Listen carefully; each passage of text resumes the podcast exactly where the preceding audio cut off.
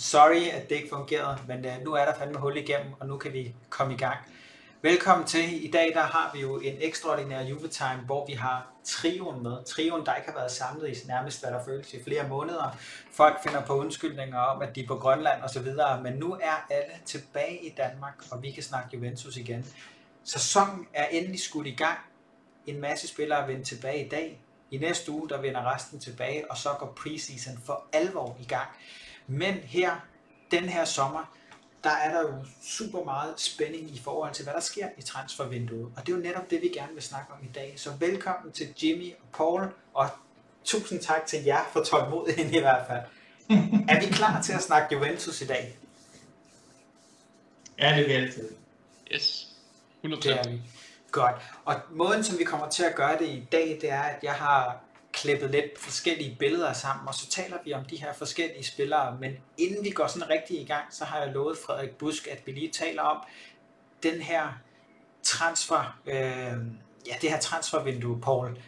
Hvorfor er det, der ikke er sket nogle store handler endnu? Fordi Frederik han spurgte jo, hvad, hvad er det, der sker, siden vi ikke har haft de helt store handler i den her omgang? Er det stillhed før stormen, eller hvad er det? Er det krise? Kan du lige komme med et par ord på det, Paul?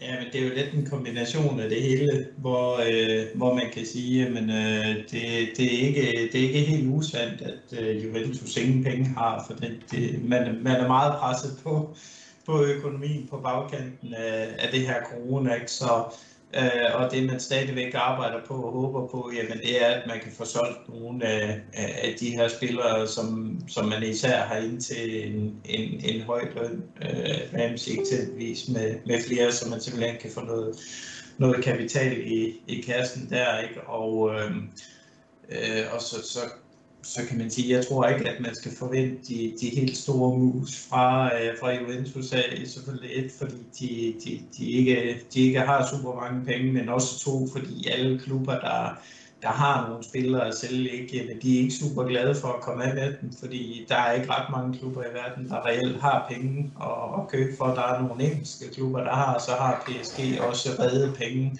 men, men resten af verdens klubber, de, de, de står jo desværre lidt i en situation, hvor de skal enten ud og bytte spillere, eller også at de skal have lavet nogle store salg, for at de selv kan gå ud og, og investere. Så det er et ekstremt svært marked, man står og kigger ind i. Så det er i hvert fald ikke den her uh, transfervindue, vi kommer til at slå en ny rekord blive slået, kan man uh, roligt sige. Nej, det kommer man med sikkerhed ikke. Det, det er jo det. Og så kan man jo også sige, som det er nu, så mangler Juventus faktisk penge. Der er faktisk nærmest ingen penge at handle for, så det er jo derfor, at man desperat prøver at sælge et par stykker. Og det er jo blandt andet nogle af dem, som vi kommer ind på i dag. Så lad os prøve at hoppe, hoppe ud i det. Vi kommer til at kigge på de spillere, som øh, der har været en masse rygter om rundt omkring i verden. Så øh, lad os øh, starte med den første spiller. Og den første, som vi kommer til at kigge på, jamen, er det spillere, der bliver altså, man bliver i klubben, eller om det er spillere, der højst sandsynligt bliver, bliver solgt. Så den første, er der nogen, der kan gætte, hvem den første spiller er? Kan vi komme med et bud?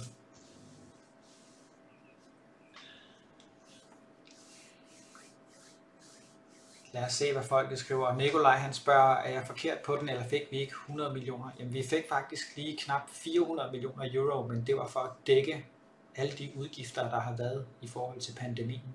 Så det er ikke transferpenge, der har været. Men øh, Nej, man kan sige, der, i, der, i, der ligger jo også en buffer, fordi man er jo ikke helt ude af, af coronaens skygge endnu. Altså nu, nu var nyheden lige, at der blev åbnet for 50% kapacitet på stadion, men, men der er stadigvæk lang vej indtil vi ser det, vi kalder normale tilstand, hvor vi har fornuftig cashflow på, på, på tingene. Ikke? Så, øh, så, så der ligger også en buffer der i. Så det er rigtigt nok, som, som du selv siger, men det er penge til, at vi ikke skal ud og sælge eksempelvis en delikt eller lignende for egentlig at holde røven over, over, over vandskorpen. Ikke? Så. Lige præcis. Og vi har allerede fået det rigtige svar her. Det er den gode Disciglio. Og det man kan se om ham, han er jo en meget versatil spiller, altså en, der kan spille både på venstre bak og højre bak. Og han har jo lige været en tur i Lyon, hvis ikke jeg husker helt forkert, og så vidt jeg ved, så gik det vist okay, og han var glad for at være der. Men øh, Lyon, de har jo heller ikke alverdens penge, så selvom de kunne have fået ham for en slæk, så takker de pænt nej. Hvad tænker I, der sker med Disciglio? Bliver han i klubben, eller kommer vi til at sælge eller udleje ham? Altså umiddelbart, så er det jo, man kan jo, man kan jo se den fra flere, flere vinkler af. Altså Cecilio, han er jo en, som, som Allegri, han i høj grad har været med til at lancere dengang i AC Milan. Og øh, hvis man skal kigge lidt på historikken, altså de fleste, de fleste af os kender jo til det. Altså han blev jo af Maldini udråbt til at være et af de helt store talenter, og det var han også, men er så desværre gået hen og blevet en af de her uforløste øh, spillere, der aldrig rigtig har nået det niveau, man havde håbet på. Selv dengang vi hentede ham til Juve, der, der var jeg meget forhåbningsfuld og tænkte, det her det er fandme en, hvis vi kan få gang i ham, så kunne det være mega godt.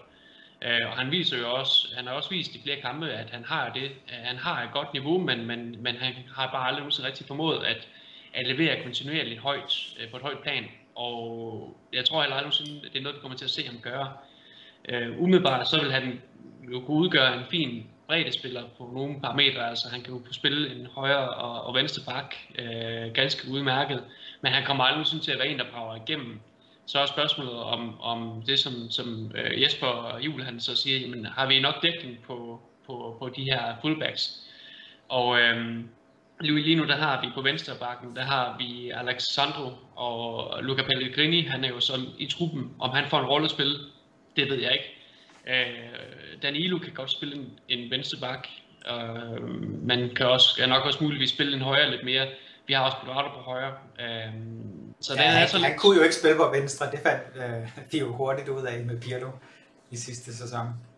Nej, det, men, øh, men i hvert fald, øh, jeg, jeg, jeg vil sige så meget, at, at kommer vi til at stå tilbage med, med Desilio, som siger, han er ikke en af dem, der er allermest løntung. Øh, og det vil ikke være en katastrofe at have ham som et S i ærmet til, hvis vi nu får en skade eller lignende. Jeg tror ikke på, at vi får ham solgt. Øh, ikke i det her marked her. Så, er det, så, så skal det være, fordi man låner ham ud med en købsoption. Det er det mest optimale, jeg kan se i forhold til at få ham afhentet. Jeg ved ikke, hvad du siger, Paul. Jo, jeg er egentlig enig, og, og jeg kan sagtens forstå, at folk, der sidder og kigger på og siger, hvem, hvem kan vi sælge, hvem er ikke gode nok, og de Silva er bare ikke gode nok til, til Juventus, det kan vi hurtigt blive enige om, men man er nødt til at kigge på det i et større perspektiv og sige, at han koster er det 2,5 millioner euro om året, så, så, så i forhold til selve lønbudgettet fylder han jo ingenting, men derimod skal man ud og have en erstatning eller lignende, ikke? så er det begynder at blive øh, øh, at koste nogle penge. Så, så uanset om at man gerne vil sælge ham, ikke? Jamen, så, øh, så, så passer kabalen bare stadigvæk bedre ved at sige, jamen så beholder man ham. Og øh, man gav, øh, var det 10 eller 11 millioner euro for ham, øh, dengang man købte ham, ikke? Så, så han står jo bogført til, til, til 0 i, i regnskabet efterhånden, ikke? Så, så det er jo ren lønudgift, vi ligesom har på ham. Og skal han så væk, ikke? Jamen så, øh, som du selv er inde på, jamen i dagens marked, ja, der, der vil det være en lejeaftale med en eller anden option på, øh, så man måske kan få lønudgiften væk fra, fra klubben af. Så. Ja, lige præcis. Så, så jeg, tror, jeg, jeg tror heller ikke, han er en af dem, der står, der står forrest på salgslisten. Altså der kigger man på, øh, på lønudgiften kontra spilminutter, øh, når man går ind og kigger på det. Så der, der er eksempelvis en Ramsey, der er det en helt anden prioritet at få ham øh, solgt. Du, du har 100% ret. Så han er helt klart en af dem, der højst sandsynligt bliver i klubben, og så kommer til at være en bredde spiller. Og det er måske meget godt, når det er, at vi skal møde nogle af de lidt mindre hold, hvor det er okay. Uh, Hans Christian han spørger her, har han været fastmand i Lyon? Hvis ja, så er han en fin spiller at have til rådighed. Er der nogen, jo, men det ligger egentlig implicit i, i, i den første bemærkning, som jeg tror, at du eller Jimmy kom med, at, at Lyon rent faktisk gerne ville have beholdt ham. Mm. Øh, men igen, de er også en klub, der, der er ramt af, af krise, ikke? Så, øh, så, så på den måde, så, øh, så er de også nødt til at holde på, på pengene, ikke? og Juventus var ikke øh, øh, helt øh, åbne for at sige på det daværende tidspunkt, at sige, at det er en ren lejeaftale, øh, han ryger ud på igen. Vi må se, om, om det når at ændre sig sidst i vinduet, det afhænger af, øh, den endelige konstellation efter preseason her, om det bliver Pellegrini eksempelvis, der bliver, så kunne jeg sagtens se, at en Disilio måske uh, bliver, bliver sendt afsted på en lejeaftale. Men, men jeg tror, at vi kommer ind sidste vindue, før der sker noget lige på parkpladsen. Ja. Jeg skal igen også bare lige en lille sidste bemærkning, der, det er, at øh, hvis han bliver, så skal man også huske på, det kan godt være, at han aldrig kommer til at være en i løbet af sæsonen, som rigtig brager igennem, men, men han er så trods alt relativt stabil med hans middelniveau. Han er, han er, synes ikke, jo, han har selvfølgelig lavet nogle fejl, det har de fleste spillere, men han er ikke sådan en, der, der falder igennem hver anden kamp eller lignende. Han er, han er forholdsvis stabil, og han brokker sig aldrig. Han brokker sig aldrig. over at sidde på bænken. Så lige der er han jo en god trupspiller. Øhm, så, så jeg, jeg, personligt vil jeg ikke se det som en katastrofe, at han, at han bliver, også selvom selvfølgelig håber jeg da på, at man får ham solgt. Men jeg tror ikke, vi skal male fandme meget, meget på væggen om det, øh, hvis ikke vi gør. Ja, og som Jesper han skriver nu, at hvis Pellegrini nogensinde skal ind i truppen, så skal det vel være nu. Og ja, lige præcis, det skal være nu. Og så vidt som øh, jeg har set, så har Allegri final say i forhold til, om han bliver.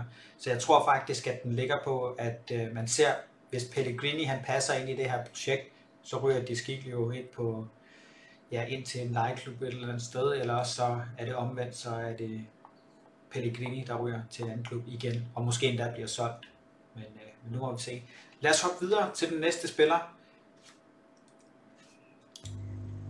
Det er jo også en gammel kending. Øh, er der nogen, der kan gætte, hvem det er? Han var ellers spået til at være den helt store, og vi, jeg mener, vi gav i omegnen af 20 millioner euro dengang, da vi købte ham. Det er faktisk en relativt høj pris for et ung talent, og han startede også rigtig godt. Desværre så fik han en ACL-skade, som nærmest ødelagde karrieren, og han har været ja, lejet ud til den ene øh, efter den anden klub. Og det er rigtigt, hvad Jesper Juhl skriver, det er Marco Piazza. Nå, gutter, hvad tænker I om ham? Paul, han skrev jo en nyhed lige her for kort siden. Vil du have den, Paul? Eller? Der er ikke så meget andet til det, end det, du skrev, Paul. Altså, han er jo øh, han er efterspurgt af, hvad det Judic han hedder, i Torino, ja. øh, der meget gerne vil have ham. Så der er, der er faktisk rigeligt med, med bejlere efter ham. Øh, men igen, lejeaftaler selvfølgelig, øh, ikke umiddelbart køb. Øh, igen, det kommer vi til at sige ved mange af de, de spillere her, og, øh, og, og igen, de andre store klubber, vi ser det også, jamen, de spillere, de henter ind lige nu, jamen det er også lejeaftaler med, med købsoptioner eller købsforpligtelser simpelthen for, at man forskyder den her, hvad hedder det, man, man forskyder udgiften øh, i de her vanskelige regnskabsår. Og, øh, og ja, det er derfor, jeg tror, man skal, det, det kan godt være, at folk, de er, de, de, at de bliver lidt frustreret over, hvor fanden man, det hele det er, det er bare udleje og så købe og så videre, men, men jeg tror bare igen, det skal vi bare affinde os med, det er sådan markedet ud nu, og ja, det bliver det samme med, med Piazza, han bliver heller ikke solgt modbart nu her, han bliver nok lejet ud, og så forhåbentlig er der nogen, der så vil byde på ham til næste år. Ja, altså det er jo ikke fordi, han er en dårlig spiller. Altså, jeg synes da også, han viste nogle gode takter, da vi spillede mod... Øh, var det Cagliari eller Genoa, han var udlejet til? Jeg kan ikke huske, hvem det var. En af klubberne i hvert fald, hvor jeg synes, han viste nogle gode takter. Og så er det jo meget godt, at han kan join sammen med sin landsmand Ivan Juric over i Torino. Så, men øh, ja, vi regner med, at han bliver skibet afsted. Og ja, Jesper han skriver, at vi skal lave en rincon på ham og lege ham ud til, til Toro. Ja, det er en ret god idé. Vi hopper videre til den næste spiller. Ramsey. Ja, jeg valgte det her billede lidt med vilje. Det er jo for at spørge lidt. Skal han have en lille chance under Allegri? Han har i hvert fald tidligere udtalt, at grunden til, at han valgte at komme til Juventus, det var netop for at arbejde sammen med Allegri. Men han nåede jo at blive fyret inden da, og så kom Sarri til. Så det var jo en spiller, som ellers godt kunne passe ind i Allegris system. Skal han have en lille chance? Hvad siger folket derude? Og hvad siger I to, Jimmy og Paul?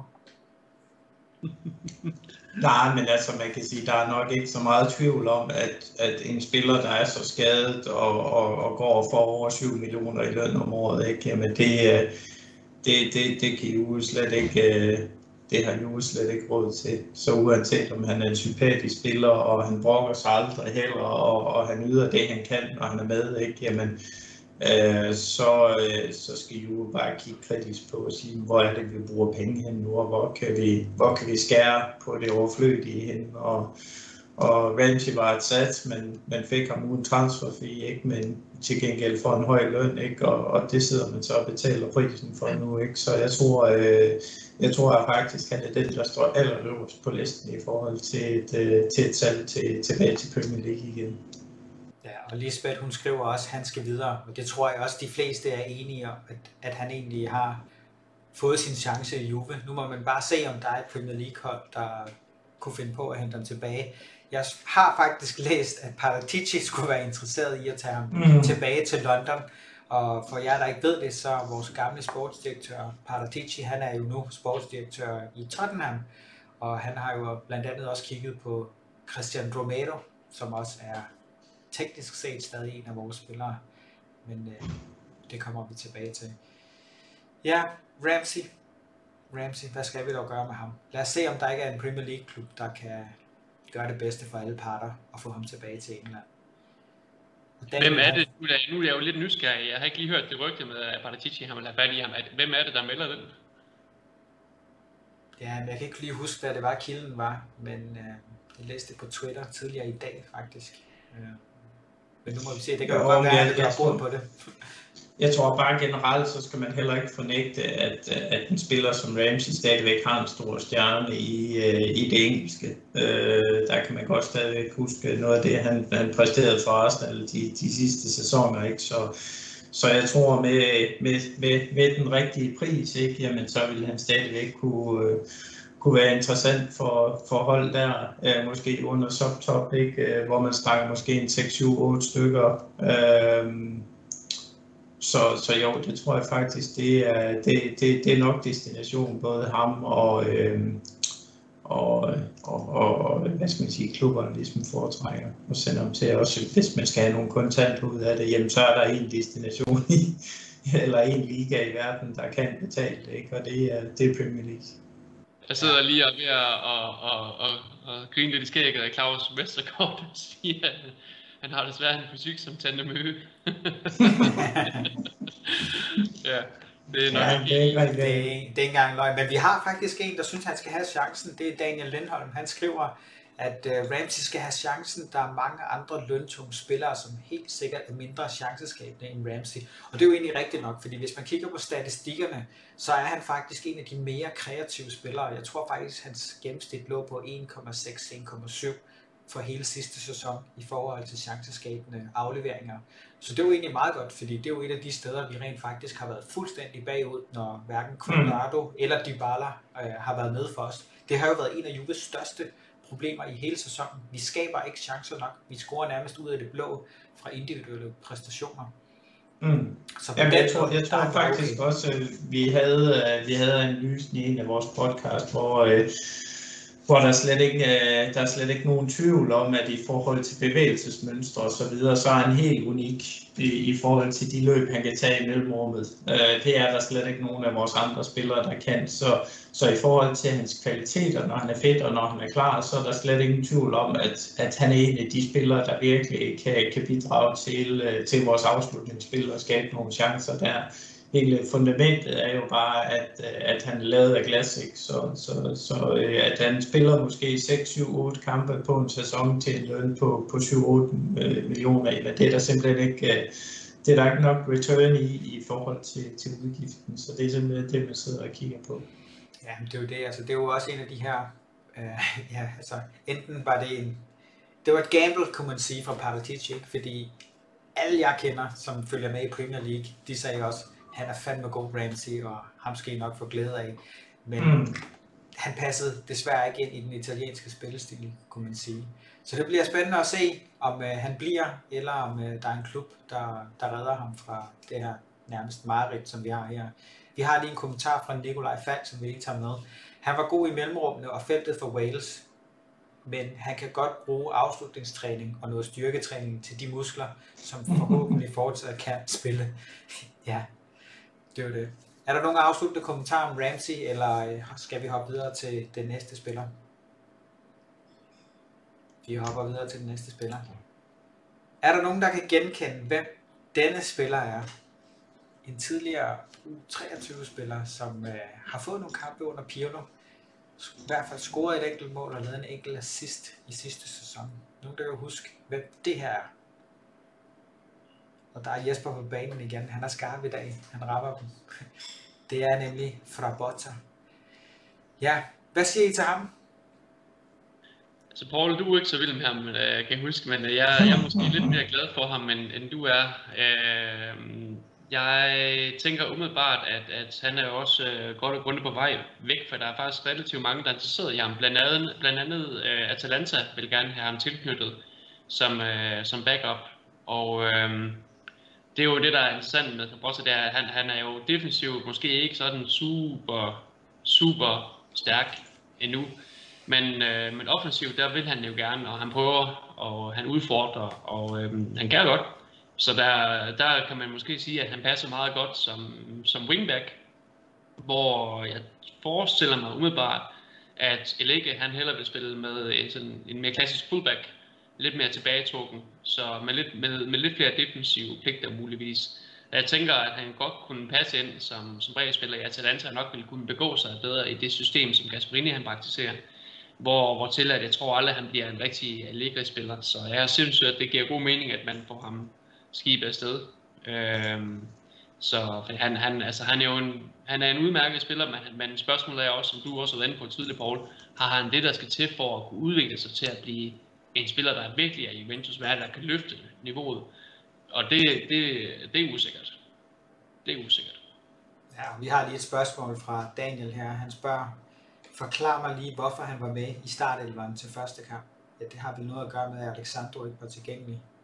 Ja, og Pellegrini, ja. han, ikke var, han, han, han, han kunne ikke bruges af Pirlo. Pirlo, han ville ikke have Pellegrini i truppen, så, så han ville hellere hive øh, Fabregas op back in the day, og jeg synes ellers også, det gav fin mening. Jeg synes ikke, at han faldt igennem på nogen måde, så, så det er så et spørgsmål, om man, om man synes, at han har fortjent mere spil til dig, men ja, han bliver ikke i klubben i år i hvert fald.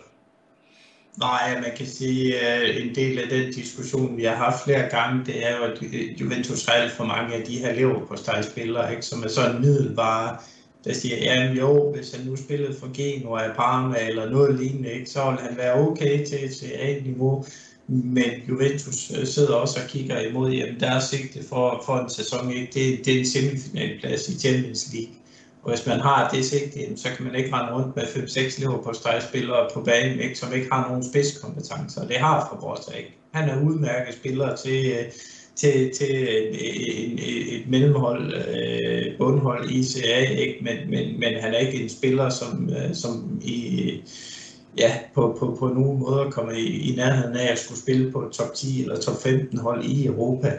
Det er han bare ikke i hvert fald ikke nu, kan man sige. Og Ahmed han skriver også, at han skal have mere spilletid, og kan ikke få det i Juventus, så er det måske en god idé at lege ham ud, og så se, hvordan Jo, bestemt, bestemt. Det er der ingen tvivl om, at, at for begge parter, så skal han selvfølgelig ud og, og have noget mere spilletid. Ikke? Øh, det, det er klart for nogle spillere, jamen, så skal han selvfølgelig det, ikke? Men, men, men det er jo ikke sådan, at, øh, at spilletid er lige med, at han lige pludselig bliver Cristiano Ronaldo. Øh, der, der er nok nogen, der, der, der har lidt for meget øh, øh hvad skal man sige, øh, det ved jeg ikke forudindtaget om, at det her med spilletid, jamen bare de får spilletid, så bliver det lige pludselig en verdensstjerne. Det er altid ikke helt sådan, det hænger sammen. Altså der er noget, der hedder talent og, og så videre, der kommer forud for, for spilletiden, ikke? Og de her spillere træner jo en til to gange om dagen, ikke? Så, så de får masser af tid på banen sammen med de største stjerner til, til at den træner kan evaluere, hvor dygtig de egentlig er, ikke?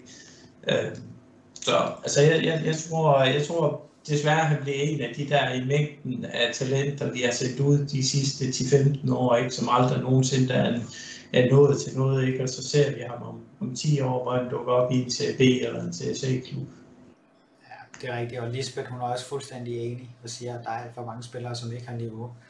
Og øh, Hans Christian han siger, at vi skal også huske på Spinazzola, også lignede en Liverpool-spiller i starten. Ja, det, ja, altså, ja, det, synes, det synes jeg faktisk ikke, han gjorde. Jeg synes altid øh, faktisk, der har været aftegninger til, at han kunne noget specielt både på sin fart, men også at han er tobenet, og, og han tager udfordringerne med, øh, med, med sin direkte modstander og sådan nogle ting. Der, der er nogle helt andre aftegninger. En spiller Sola. Hans problem, det er så igen det fysiske. Ikke? Jamen, han er også lavet af glas ufattelig mange skader. Så grunden til, at vi solgte Spinazzola, hvis vi skal lige øh, hive den frem igen, jamen det var rent økonomisk, fordi der var eftertrækning, øh, der var, der var bud efter ham, ikke? Og det var en måde at lave plus balancer på. Øh, igen, nøjagtigt det samme som med Cristiano Cancelo. Det er jo ikke fordi, vi synes, det er sjovt at skyde de bedste spillere afsted, men man er nødt til at sælge dem, der er bud efter, og så indgår man et, et kompromis med at sige, jamen så laver vi nogle pluspenge her, og så tager vi det væk, det så er, at, at vi ikke kan beholde den her spiller, selvom han ser spændende ud. Der vil jeg så også lige påpege, at, øh, at øh, Spinazzola, der behøver man jo bare se på Atletico-kampen for at se, at ham her, han kan et eller andet helt exceptionelt. Det samme med en, øh, med en igen Bernadeschi, som også har vist flere gange, at han kan noget, der er helt exceptionelt. Problemet er så, at, øh, at sådan en med, som, med Fabrota, Det har han ikke vist. Han har ikke vist, at, at han har det her, den her x-faktor, der skal til for at kunne blive en, en, en exceptionel spiller. Der er ikke noget til hinder for, at han kan blive det. Fordi det er jo rigtigt det, som Paul siger med, med træning, træning, træning, kampe, kampe, kampe, spilletid, spil, spil. Det, det, det kan alt sammen være, være, hvad hedder det, være meget godt selvfølgelig, men det er ikke en græn for, at spil, spilleren lige pludselig tager tiden op. Det kan ske, og det kan være, at han er en late bloomer. Altså Luca Toni, han blev jo først rigtig god som 28-årig for eksempel. Øh, og for Borta, han kan jo lige pludselig tage det, man siger, et, et, et, øh, et kvantespring øh, kvalitetsmæssigt, hvor der, hvor der er et eller andet, måske et eller andet mentalt, der bliver låst op for ham, hvor han finder ud af, at jeg kan kraften et eller andet, og nu gør jeg det. Øh, teknisk, der er han jo, hvor han er, kan man sige, men, men meget, meget i, i elitesport handler om mentalitet, øh, og, øh, og, og så sammenkoblet med talent naturligvis. Øh, der er ikke nogen, der, der kan sige, at Roberta han ikke bliver super god lige pludselig. Det samme med Spinazzola, man ved aldrig helt. Men, øh, men man skal i hvert fald passe på med, at man siger, at man, ah, vi, skal, vi skal også være forsigtige med at gå af med, med, med spillerne, for de kan blive gode. Ja, det, det er helt klart, det kan, det kan de selvfølgelig. Men der er også en forretning, der skal drives, og vi har kun så meget plads i, i truppen til, til spillere, og der, der er det jo der er det nogle hårde øh, hvad hedder det, marginaler nogle gange, der afgør, hvem er det, der bliver, hvem er det, der skal afsted. Om det bliver Fabrota, eller om det er Pellegrini, der, der brager igennem, jamen det kan være, at vi afhænder Fabrota, og så næste år, så har han gjort det skide godt i Atalanta, og så står alle sammen og siger, hvad i verden, hvorfor gik vi af med ham? Men hvis han er blevet i Juve, og har siddet på bænken halvdelen af kampen, og ikke udviklet sig, jamen så, så havde, det jo, så havde man ikke, øh, så har man ikke brokket sig. Øhm, så, så det, det er altid en svær afvejning, og det er nemt at være bagklog. Christian Romero er et genialt eksempel. Øh, han har haft en god sæson i Atalanta. Jeg synes måske, han er lidt hyped, men, men en god sæson. Øh, hvis og han Argentina været... også, bare lige for at... Jo, jo, bestemt. Bestemt, slet ikke noget der. Øh, men pointen er bare, at, at var han blevet i Juve, så har han været fjerde, femte mand. Havde han haft sådan en god sæson, havde folk talt om, hvor god han var blevet, eller hvor god han kunne have blevet, jamen det, igen, det er mega svært at gisne om. Øhm, så, men nu kan jeg også godt mærke, at nu kommer jeg lidt ud på et sidespor. Øh, men... Jamen, det er fint. Vi har faktisk også lovet at vende lige præcis den der med Christian Romeo. Hvordan er det den dag i dag? Er han stadig ejet af Juventus, eller er han solgt fuldt ud til Atalanta? Det blev der spurgt om i forum. Ja, man har en toårig øh, lejeaftale med Atalanta, hvor de så har en indfrielsespris på 16 millioner euro. Og de giver, er det 2,5 millioner for, for selve leje, lejedelen. Ja, altså man kan jo sige, at den handel, den uh, har virkelig mange mennesker undret sig over. Ikke? Altså hvordan man kan vælge at sætte en købsoption så lavt på en spiller så, øh, så har man virkelig ikke troet på ham i Juventus, og virkelig ikke troet på det, man har set i preseason, da han kom hertil. Det er i hvert fald mit bud. Ja, man kan sige, at der er flere elementer i det. Den, den ene, det er, at, at hvis man skal lige have kontekst med, så har han været dårlig i Genua, inden han øh, faktisk efter Juventus ligesom købte ham, der faldt han helt igennem i Genua, ikke? Så, så han kom jo faktisk fra nogle dårlige sæsoner i Genua, ikke? og så sagde jeg til Atalanta, jamen ham vil vi gerne tage på en lejeaftale, og så øh, ja, så fik man købsoption på, på den pris, han ligesom var indhentet til. Øh, jeg ved ikke, om det var en, en vurdering af at sige, vi, vi korter vores låse sikkert, så sælger vi ham videre øh, for dækket vores, øh, vores værdi på ham. Men det kan også være, som det tit er i Italien, øh, mellem Juventus og så de mindre klubber, jamen det er en handel, er ikke bare en handel der følger typisk en eller anden option med på en anden spiller, eller også får man overbetaling tilbage for en eller anden og så videre. Det kunne eksempelvis være en uh, fra Brotra eller en Demiral, som man så får 10 eller 5 millioner ekstra oven i hatten på. Ikke? Det har vi set rigtig mange gange med, uh, med Genma, som betalte bare 18 millioner for Storaro eksempelvis. Ikke? Og, ja, det var en god handel, sige. Hans, uh, hans markedsværdi, ikke? Så, så derfor så synes jeg også, at man skal lige prøve at tage den i kontekst, hvor man kan sige, jamen uh, jeg kan ikke sige, om det er en vurderingssag fra Juventus' side af, at man, man synes, at han kom fra nogle ekstremt dårlige sæsoner af, så man skulle bare have ham sat videre, eller der rent faktisk stikker et eller andet mere under, ikke? Jamen det, det bliver formentlig aldrig helt kloge på, ikke? det er klart, når man så sidder og ser, at, øh, at Atalanta kan, kan måske sende ham videre til, til Tottenham for 45 millioner, ikke? så tænker man, det er jo lige godt satens, ikke? Men, men altså, det er jo gynger og karuseller en gang imellem, når man sidder og skal jonglere med, hvem skal man beholde, hvilken pris skal de sælges til og så videre, ikke? Og nogle gange rammer man rigtigt, når man ændrer et Pogba gratis og sælger ham for 110 millioner, og andre gange så rammer man forkert, når man sælger en Romeo videre, som så lige pludselig eksploderer og blomstrer i Atalanta, ikke? Så, så det er jo de jo, det er jo de der ubønørlige betingelser, man sidder som, som, øh, som sportschef i, ja. i sådan en klub. Ikke? Ja, og var han som sagt ude i Juve, så havde han siddet rådnet op på bænken, og så havde man siddet efterfølgende kritiseret ledelsen for, hvorfor fanden solgte de ikke bare ham? Han har jo han har ikke vist en skid, han har bare siddet på bænken og været femte eller sjette valg, eller hvad nu. Øh, altså, hvorfor, hvorfor, hvorfor fik man ikke afhændet ham? Øh, ja, præcis. Og det er, sådan, det, det er jo det, der er lidt svært ved, øh, ved, ved jobbet som sportsdirektør. Det er, det, det er nemt at være bagklog, kan man sige. Og det, det ved jeg da selv, at jeg nogle gange sidder også og man lige må tage mig selv i, at, at man sidder og tænker, for fanden det er jo dumt, men man er lige nødt til at tage altid tingene i, i konteksten, i, i hvad, hvad skete der egentlig dengang. Mm.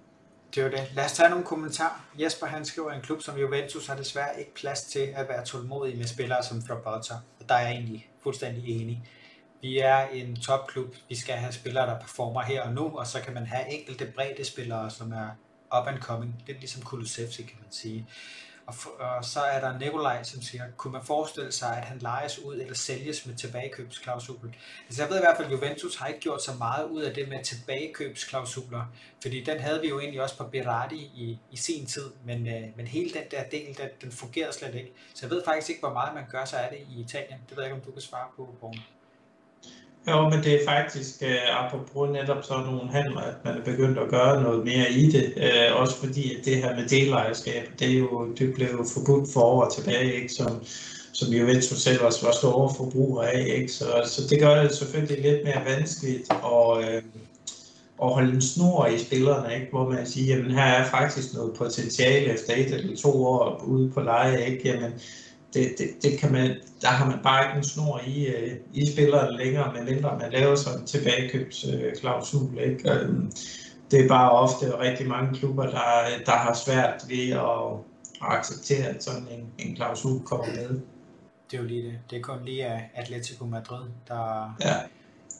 Men ellers så kan man sige, at han er fuldstændig ret i, at, at Juventus er nødt til at kigge kortsigtet på tingene, ligesom de fleste andre store klubber. Ikke? Jamen, det næste resultat er det, der tæller det næste mesterskab og det næste ja, semifinale i Champions League. Det er det, man, øh, man skal gå efter. Alle spillere, der kan bidrage til det, jamen det er dem, man skal kigge efter. Ikke dem, der kan bidrage måske om 5 eller seks, syv år. Jamen det har man simpelthen ikke råd til. Så er det bedre at sige, at der er andre mindre klubber, der må modne spillerne først, og, øh, og, og så overtager vi dem derefter. Det, det har Juventus jo i og for sig også altid gjort. Altså, der er sgu ikke, øh, der er sgu ikke ret mange, der er kommet igennem vores eget ungdomssystem, og Kiso er en af dem, ikke? Øh, Øh, Chiellini måske til dels ikke, men ellers så har vi jo altid været ude og hente spillere, når de har vist noget potentiale i de andre klubber, og så, øh, så overtaget den derfra, kan man sige. det er jo også det, alle andre klubber gør. Øh.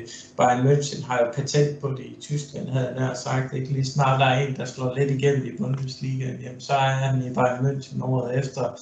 Det var sådan, Juventus havde det i gamle dage i ICA, ikke? men men der er jo sket en større opstandelse, hvor modstanden mod Juventus er blevet ekstremt stor, så det er også svært for, for, for klubber som Juventus at finde allierede, der, der ikke har de her griske, magtlederlige gamle præsidenter siden, ikke? Som, som, som hellere vil indfejte en udvikling af ligaen. Ikke? Så, så det, gør den, det gør det en rigtig svær øvelse efterhånden, og, og så selvfølgelig også, når, når udenlandske klubber, som eksempelvis PSG med Verratti, ikke også får øjnene op for, at der går altså nogle spændende italienske talenter eller sportsdirektører, som vi sætter ind, så de kan hente nogle af de der italienske spillere. Ikke? Så, så der er væsentligt mere konkurrence, end der var i, i gamle dage. Nu, nu så jeg lige øh, øh hvad hedder det, kommentaren hernede, ikke? Øh, hvor man savner, at man hentede de her spillere, som, som i gamle dage. Ikke?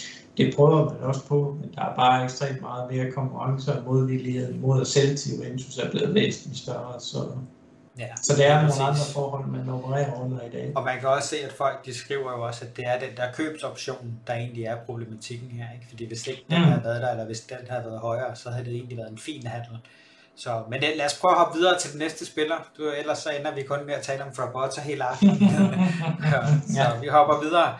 Den her her, han er jo super interessant, fordi der har vi jo netop inde på Juventus Danmark lige skrevet en fin artikel om, hvad der sker med ham i øjeblikket. Og som det ser ud nu, så er han faktisk meget langt tilbage i køen øh, til at få en startplads. Så han er faktisk, som det forlyder, selv sagt, at han ikke har lyst til at være reserve. Paul, hvad er det, der sker med ham? Jamen altså, det er jo samme problematik som med øh, Romeo og, og, og Frabotta, ikke? Jamen, de står længere tilbage i køen, de er ikke første eller anden valg, ikke? Og det betyder også, at, at det antal kampe og spilminutter, man får, ikke? Jamen, øh, de er begrænset, og som ung spiller, ikke? Jamen, der skal man have spilletid for at udvikle sig, for at fortsætte. Øh, han er også tyrkisk landsholdsspiller, og for at fastholde sin plads der. Det gør han heller ikke på bænken i Ventus, så forståeligt nok, så... Øh, så vil han gerne videre og finde øh, nogle andre gasgange, hvor han kan få lov til at spille noget mere, ikke? Øh, og jamen, tager man en analyse af ham, ikke? Jamen, så kan man sige, min, min, mit take på det, som, som der står i opslaget også, jamen, det er, at rent taktisk, der er han ikke god nok til, øh, til CA. Han er ekstremt dårlig i sin, sin placering, og så boldomgangen også alt for svag i forhold til øh, og skulle være en, en, en spiller på det niveau, som, som Juventus har brug for, også med de attributter, man egentlig kigger på, så er det fint nok, at han er en kriger og takler igennem, og det er vi alle sammen vilde med, men det, at han skal takle igennem og, og hente en spiller på de første 10-20 meter, det er jo kun fordi, at han rent faktisk laver en fejl i første omgang, ikke? så han kompletterer med sin hurtighed og sin fysik over for de fejl, han selv laver. Ikke? Men hele især Allegris mantra går ud på, at man står taktisk så godt, at man ikke laver de der fejl, og man ved, hvor side man ligesom er. Og, og i det game, eller det perspektiv der, jamen der, der, der passer det bare ikke, ikke super godt ind i det. Ja, altså lad os høre, hvad folk siger. Hvad, hvad tænker I, jer derude? Skal vi beholde ham? Øh, skal han være den nye Montero, som jeg kan se i dag, han skriver? Eller skal vi lade ham smutte, som Jesper han, øh, han skriver? Hvad tænker du, Jimmy? Fordi han viste ellers øh, en del lovende takter i den allerførste sæson, indtil han fik det der ACL-skade mod Roma, hvor han i øvrigt scorede sit første mål for Juventus. Mm. Jo, men altså, der er jo ikke nogen tvivl om, at øh, vi, vi, har, jo, vi har jo alle siddet, og, og, øh, og inklusive Paul og jeg også har siddet og slikket os om munden ved tanken om Demiral, hvad han kunne udvikle sig til. Øh, analogien, eller sammenligningen undskyld, med, med Montero er jo ikke helt, helt skidt med, at man har en, der har den her vildskab øh, og, og hårdhed i sit, i sit spil. Men noget af det, som man også må sige med Montero, det var jo, han var jo en ufattelig klog forsvarsspiller. Han vidste lige præcis, hvornår han skulle lave en svinestreg, hvornår han skulle trykke, trække nedbremsen. Og, øh, og som Paul han er også inde på, jamen tit det man ser med hårdheden i, i, i hans indgreb, Demirals indgreb, jamen det kommer jo af, at han, at han laver en taktisk fejl af en placeringsmæssigt, han står ikke rigtigt. Og øh, det er jo noget, han kan lære, øh, men problematikken er jo nok det her, som, som der også blev sagt tidligere øh, i kommentarsporet, det var jo, at Juventus har ikke altid råd til at vente på, at spillerne udvikler sig. Og lige nu, der tror jeg, at man har taget en vurdering om, at Demiral, han simpelthen er for langt nede i forhold til hans placeringsmæssige og taktiske øh, færdigheder, til at det vil simpelthen tage for lang tid at udvikle det, før han vil til blive en fuldgod centerback. Så det en som øh, Andrea Basali, det tog jo noget tid for ham, før han rigtig blev en, en meget, meget dygtig øh, duel forsvarsspiller og, og udviklede den taktiske intelligens som, som, som han nu endte med at få. Men det var altså også på det tidspunkt, hvor vi hentede ham. vi hentede ham ikke dengang, han stadigvæk sådan var altså et ufærdigt produkt i, i Wolfsburg, eller et stort talent i Palermo. Og øh, jeg tror, vurderingen er, at man ser, man ser nok på, det hold, der vandt EM, havde to gamle drenge i, i forsvaret, som bare så et dal godt EM som defensiv makkerpar. Det er to gamle drenge på 34-36 år. De kan ikke spille en hel sæson. Det er rigtigt. Øh, de kan ikke spille alle kampe i den forestående øh, sæson her, men de kan spille mange af dem forhåbentlig. Og så har vi altså en Mathias Dilik, som er en af verdens bedste forsvarsspillere, og stadigvæk meget, meget ung. Og Allerede nu, som 21-årig. Som 21-årig, ja. Så jeg tænker, at rotationen kommer til at blive mellem de tre. Øhm, og så har man, øh, nu spurgte Frederik Busken også, kunne jeg se, om, om ikke man har nogle U23-spillere, jamen så frem at Dragosvin han ikke bliver brugt, i en byttehallen i, øh, hvad hedder det, Locatelli øh, Tansvold, jamen så vil han altså også være en, man godt vil kunne sige, jamen han, han er måske god nok til at kunne være fjerde eller femte mand. Øh, for han har godt vist i de kampe, han har spillet, hvor han måske ikke er blevet testet så meget, men der har han alligevel vist, at han har noget ro, og han kan godt finde ud af at, Og han kan finde ud af at placere sig rigtigt, øh, og har også samtidig noget, noget, noget råstyrke, så han stadigvæk kan være med til at danse rundt med, med de store, stærke angribere. Så der tænker jeg, at man vælger at se på, hvor mange kampe kommer, kommer man til at få brug for en fjerde, skorstræk, femte mand. Og der vurderer man nok bare, jamen de kampe, de Morelle har kunne komme ind og spille, er det 35-40 millioner euro værd? Det er tvivlsomt. Og hvis han i forvejen er utilfreds med at så egentlig have den her rolle som, som, som, øh, kan sige, som, som rotationsspiller, jamen så er det stiger sted. Øh, det duer ikke at have en utilfreds spiller i truppen på den måde. Så jeg synes et eller andet sted, at det er fint nok, at man siger, at vi kan på ham nu. Det er brandærgerligt. Jeg havde store forventninger til ham. Men, men han har virkelig fået bygget meget på i forhold til det med hans taktisk intelligens. Og det er klart, hårde, hårde arbejdsbetingelser for ham, jamen han har haft en ACL-skade. Men det er bare ærgerligt. Altså, det, det er jo ikke noget, som, som Juve kan, nødvendigvis skal vente på. Ja, og så, og så vi har jo også her, at øh, der ikke er råd til at købe, så der må jo udvikles blandt dem, vi har. Og nu nævner Paul jo lige her i baggrunden, at der også er Rugani, som er kommet tilbage. Altså Rugani, han har jo egentlig ramt sin prime alder, så han kan jo også kun være den der tredje, fjerde valg, hvilket jeg egentlig tror, han har det fint med. Så, men øh, alt peger på, at der bliver cashet 100% ind på ham i den her sæson. Jeg husker faktisk også, at han allerede var utilfreds i sidste sæson, så man kan ikke holde på ham længere, og det forstår man også godt, fordi han er for god til at sidde på, på en bænk. Han er mm. måske ikke lige på Juventus-niveau, men måske holdet lige under noget Borussia Dortmund, eller noget Atalanta, eller noget i den stil. Vi hopper videre til den næste spiller.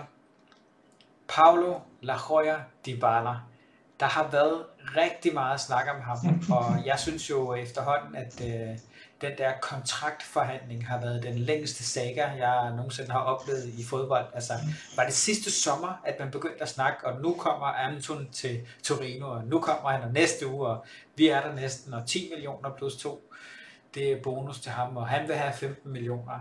Hvad, hvad tænker vi, der sker om øh, vores lille juvel her?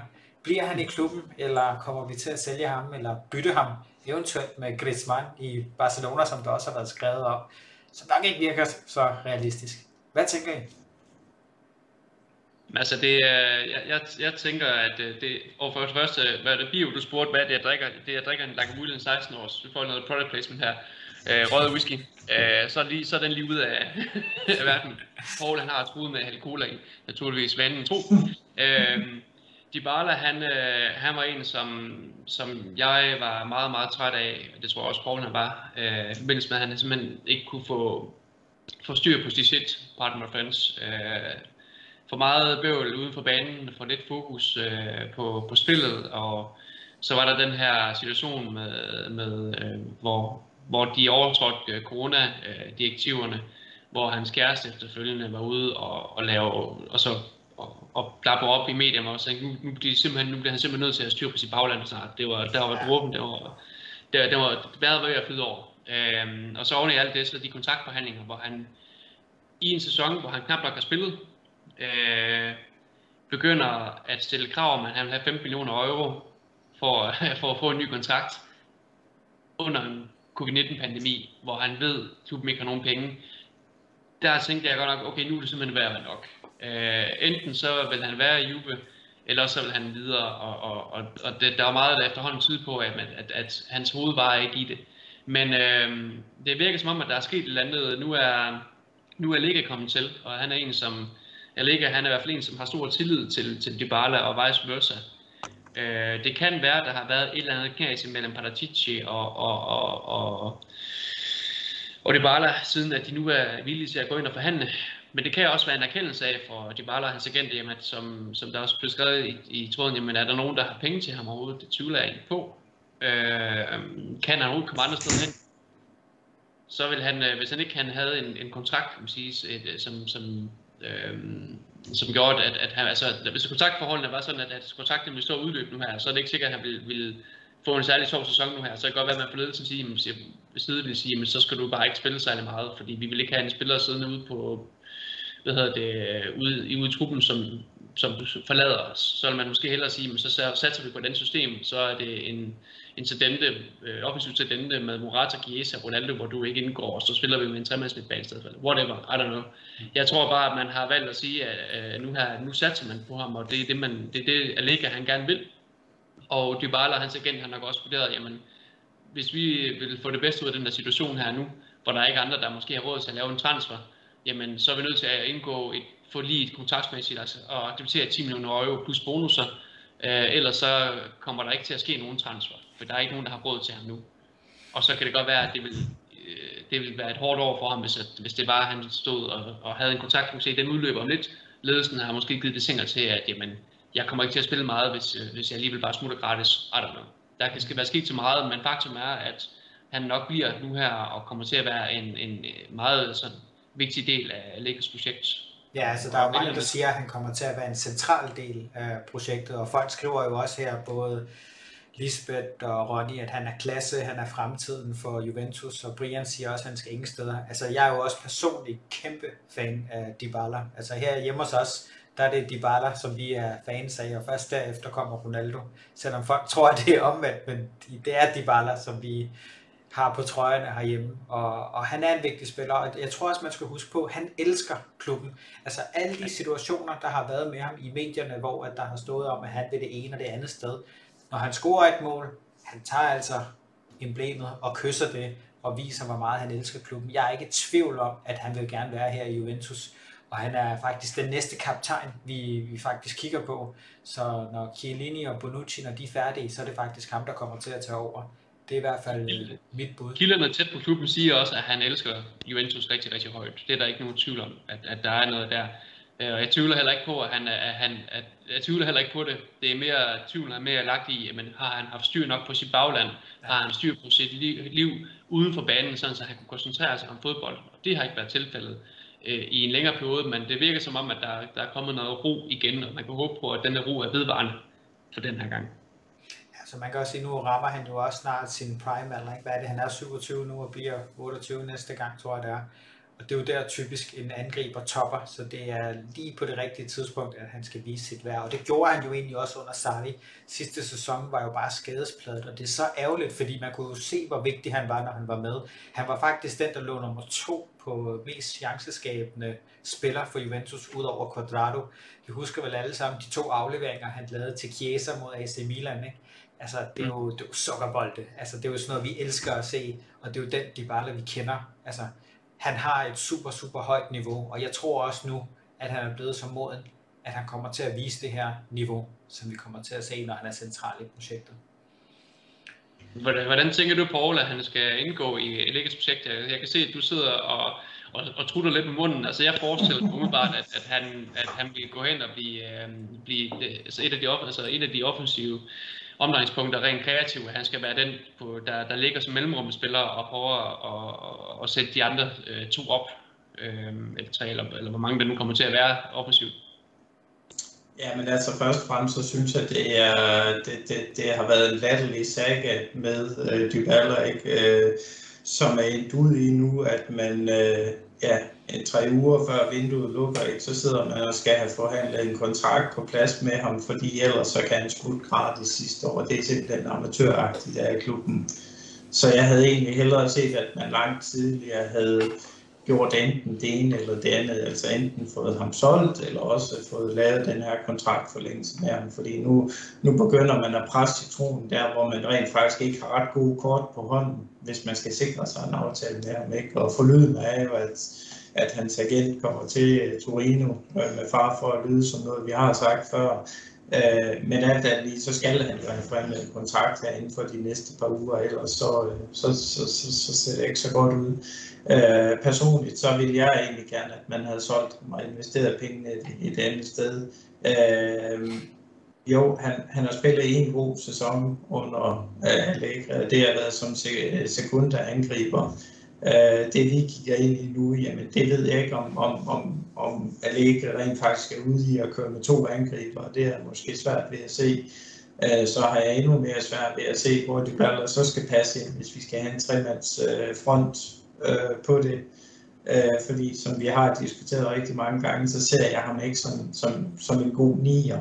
Det, det er han simpelthen ikke. Så det er måske øh, mere en falsk nier, ikke? Hvis han endelig skal Jo, han er mere en mellemrumsspiller, ikke? Øh, som kan ligge og støtte de der bolde, som du selv siger. Jamen, men han er, ikke, han er ikke den spiller, der optager pladsen inde i feltet. Man kan lægge indlæg ind til, og så afslutter på dem og så videre. Ikke? Han, han er mere den der mellemrumsspiller, som gerne vil søge langt ned i banen og deltage i spillet, ikke? Og, og ikke den klassiske nier. Så, så det afhænger rigtig meget af, hvad, øh, hvad Allegris planer er. Øhm, om, om han skal ud i at køre med, øh, med, med to angriber igen. Det, det, det bliver spændende at se. Jeg ser ham i hvert fald, øh, det, det er i hvert fald den måde, jeg nok ser, at vi får mest ud af ham på, hvor han ikke nødvendigvis skal være tankmand nummer et, men rent faktisk får en lidt mere fri rolle og kan arbejde under de betingelser frem for, at øh, øh, ja, der skal være the main man, ikke? Og så en vigtig ting, apropos det her, vi snakker om med Demiral også, Dybala har lidt af det samme. Han, også, altså, han er heller ikke super god taktisk. Det viser det så i forhold til, til mange af de her ting, hvor han flyver rundt omkring på hele banen, i stedet for at arbejde med nogle af sine specifikke områder, som Sarri jo arbejder meget med ham under, som også skal gevinst sammen med, øh, med Ronaldo, men, men får, man ikke, øh, får man ikke styr helt nøjagtigt på, hvad han skal spille, hvordan han skal spille og hvilke områder han skal bevæge sig i, så får han simpelthen ikke nok ud af det. Så, øh, så det er spændende at se, hvad Allegri lægger op til sådan rent taktisk i forhold til, øh, til det. Men jeg synes bare, det er uheldigt, at, øh, at man kommer hen i den sidste tredjedel af transfervinduet, før man rent faktisk får slået, slået en knude på, om han enten skal blive, eller han skal sælges, eller hvad fald han skal. Ja, øh, der er man spillet sig op i et hjørne. Og vi får lige et spørgsmål her fra Hans Christian. Lad os antage, at vi solgte Dybala. Hvad skal der så ske med Ronaldo og Morata? Lad os Nej, hvad skal så ske? Ronaldo og Morata er stensikkert fortid i klubben til næste år. Jamen, der har vi jo så en Kulusevski, og vi har jo også en Chiesa. Så det er jo egentlig bare en, en nier, man skal ind og finde. Altså en rigtig altså, nier, kan man sige. Morata er ikke stensikker fortid i klubben til næste år. Nej. Det tror jeg ikke. Det, altså, det, det, er Ronaldo jo egentlig heller ikke, fordi der er jo egentlig også øh, nogen, der pynser på, at han kan få forlænget sin kontrakt i yderligere et år. Så, ja. så der kan ske øh, mange ting. Og rent taktisk, der Jeppe, øh, Jeppe Christensen han skriver, rygterne går på, at Allegri kommer til at stille op i en 4-2-3-1, hvor Ronaldo spiller på toppen. Øh, det er jo noget af det, du vendte også. Øh, vi snakkede også om det i sidste podcast, Andrew. Og jeg, jeg, der er lige et par ting til det. Altså, det kan godt være, at det er information, som de kommer til at spille, men Ronaldo kommer ikke til at spille på toppen. Noget af det, du har nævnt tidligere, Paul, i forhold til Ronaldo, det er, at, at han skal ligge ud på den venstre kant. Det kan godt være, at folk siger, at han skal spille angriber, men, men pointen er med Ronaldo, den måde hans spillestil er bygget op på, det er, at han har sit udgangspunkt over i venstre side. Og så er han nok den bedste spiller i verden til at øh, foretage løb uden bold ind i feltet. Øh, hvor, han ligesom, hvor han lige lusker ind af en eller anden sjov rute, og så pludselig så står han bare fri. Hvis han, hvis han har sit udgangspunkt inden som, som angriber, forrest angriber, så tror jeg umiddelbart, at han bliver fornemt at markere, og den måde, han har bygget sit spil op på, og som han har scoret så mange mål på, jamen det er simpelthen med, at jamen, han skal ikke bare være en statisk angriber, der står derinde, og så, og så venter på at, at modse bolden. Nej, han tager de her løb her, hvor han lige så stille og roligt kommer, kommer i position under, det op, og under den opbyggende spilfase. Og der, øh, der forestiller mig mere, at der har man en, en Morata op foran, som, som lige der kan give noget fysik og må det rundt og tage nogle løb, som, som giver pladsen til, at forsvarsspilleren er nødt til at følge med ham, som så frigiver, at jamen, kan der komme en inden for venstre eller for højre venstre siden, det er så Ronaldo, og han tager så typisk de gode løb. Så hvis man gerne vil have det maksimalt ud af Ronaldo, så er man nødt til at lade ham spille derude. Han kommer ikke til at udbrede udbredt kantspiller, det er ikke det. Men hvis vi ser de muligheder, som Aleke han har rent taktisk, vi kan jo godt tage øh, 4-2-3-1 formationen, jamen i den formation, der vil Dybala så komme til at ligge som, som en sådan ret rendyrket trikatista, en fire rolle, hvor han så skal støbe kuglerne til en Chiesa på højre, Ronaldo på venstre og en Morata op foran. Øh, alternativet det er en 4-3-3, som vi, jeg går lige hurtigt igennem det, for vi snakker også om det i sidste mm. podcast, men alternativet det er så en 4-3-3, en kunstig 4-3-3, hvor øh, jeg forestiller mig, at så har man Ronaldo på en venstre, Morata op på 9'eren, Dybala han ligger på en højre på papiret, og det der så nok vil ske i praksis, det er, at man, sker, man ser det her med Ronaldo, som man ser, man har godt nok udgangspunktet i venstre side, men han trækker jo lige så stille og roligt ind i feltet via sin løb, og så ender han derinde på et eller andet tidspunkt øh, sådan som man et eller andet sted har to angriber, mere eller mindre. Øh, hvor Dybalas øh, udgangspunkt i højre side, jamen det vil jo nok være, at han trækker så mere ind centralt for og så agerer den her hvad kan man sige, øh, den her kreative spiller, sådan som man næsten har en diamantform et eller andet sted. Man har Registan, så har man to Mazzala på midten, og så vil øh, Dybala komme til at ligge som mellemrumspilleren til at fodre Ronaldo, der tager løbende ind fra venstre, og så Morata, der ligger op som nieren. Så det er nok sådan, jeg forestiller mig rent taktisk, at man har de to spilkoncepter, så man vælger at sige, hvorfor en kommer at ligge til at gå med, det ved vi ikke. Og det er mega spændende at se, hvad det bliver. Men jeg tror, det er rent taktisk, det er sådan, vi kommer til at se det folde ud.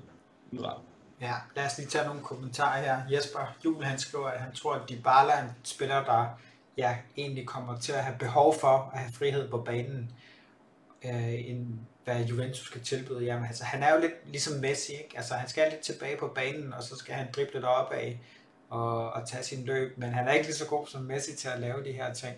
Så det er jo derfor, det bliver lidt svært, og det er også derfor, han ofte mangler ind i boksen, fordi han er simpelthen for langt tilbage. Uh, og så har vi en uh, kommentar fra min gode ven Ramon, som forklarede os om Super League uh, for nogle måneder siden, hvis nogen kan huske det. Han skriver her, hvis CR7 bliver, så er det garanteret, at han også bliver i 22-23, fordi VM i december 22. Men det hele afhænger af, om Mbappé lader nummer 7 være fri i PSG. ja. Og Ronaldo, det er jo blandt andet en af dem, vi kommer ind på, så jeg tænker, den uh, kommer vi lige til at gemme, når det er, vi når til, til ham. Jeg tænker i hvert fald, at vi hopper videre, men øh, vi tror personligt, at han bliver her i klubben. Det tror jeg, vi alle sammen er, enige om, og det er ham, der er fremtiden. Den næste, det er Italiens næste helt store stjerne. Det er der vist ingen tvivl om.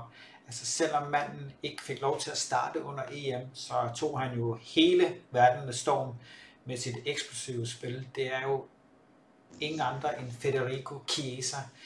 Der er rigtig mange, der vil have ham. Altså, jeg har hørt både Bayern München, Liverpool, Chelsea, altså you name it. Altså, den eneste grund til, at Real Madrid og Barcelona ikke kan være med, det er, fordi de ikke har pengene lige nu. Men øh, alle andre, der har i hvert fald nogle skillinger og, og kaste ud med, de er interesseret. Hvad tænker I? Kommer vi til at sælge ham, hvis det er, at vi får et øh, beløb, som vi simpelthen ikke kan sige nej til? 150 millioner for eksempel. Da du, da du gav præsentationen, der så jeg altså Bernadeschi på skærmen. Bernadeschi 2,0, 3,0. ja, ja, men det kan vi gå ret godt. Han bliver ikke solgt. Hvad tænker du, Jimmy? Nej, nej, nej, det, det er helt, det er helt utænkeligt. Uh, han, han er fremtidens og nutidens mand. Uh, der, der er altså ikke nogen tvivl om, at hans, hvis, hvis han fortsætter med at bygge på, som han allerede har gjort her i sin første sæson i, i uge, hvor han har fundet stabilitet og kontinuitet i sine præstationer, så er der jo ikke nogen grænser for, hvor god han kan blive. Altså jeg tror, han kan blive, jeg tror allerede, at han kan blive den nye Arjen Robben. Jeg kan ikke lige normalt at lave sammenligninger, men jeg tror, han kan blive den nye Arjen Robben. Altså den her spiller her, som øh, den meget etbenede spiller, som øh, modstanderen som regel et eller andet sted godt ved, hvad vedkommende vil gøre, men kan bare ikke gøre noget ved det, fordi han er så mega hurtig, så eksplosiv og teknisk, øh, teknisk er han også rimelig dygtig. Øh, så så det, det er en meget, meget spændende spiller, vi har, vi har i folden der. Øh, største for mig, om at se, største positive overraskelse sidste sæson, jeg havde ikke forventet, at han ville blive så god. Det Nej, og han har været super afgørende i rigtig mange kampe, ikke? og her forleden blev et af hans mål kåret til det bedste i Juventus i hele sidste sæson.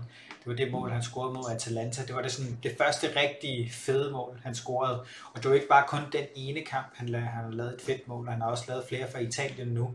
Og han bliver bare bedre og bedre. Og det er jo en spiller, som man nærmest ikke har set blive så god. Altså hvis nogen har læst med på Twitter, så var der adskillige altså eksperter, vi snakker folk fra ESPN, folk fra England, som havde skrevet, det her det er en sikker Bernadeschi 2.0.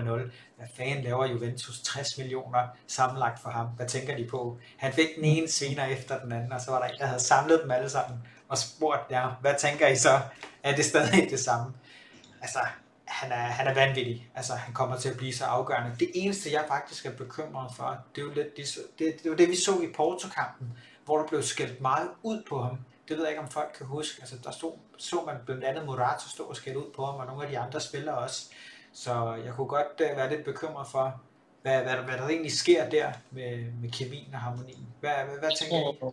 Jeg tror simpelthen, det, det er, jeg tror, at han er meget vældig spiller i truppen. Øh, jeg, jeg forestiller mig lidt, at noget, noget af det, som der har været hans store problem i, øh, i Fiorentina, det har netop været det her med hans øh, svingende passioner, hvor han i nogle kampe har, har været lidt en, en type, der har, øh, hvis jeg skal sammenligne med, gamle, øh, med, med unge Quadrado, med en spiller, der er i stand til at gøre nogle rigtig fantastiske ting, men, men mange af, øh, af gangene tager en meget dum beslutning, øh, træffer nogle dårlige valg.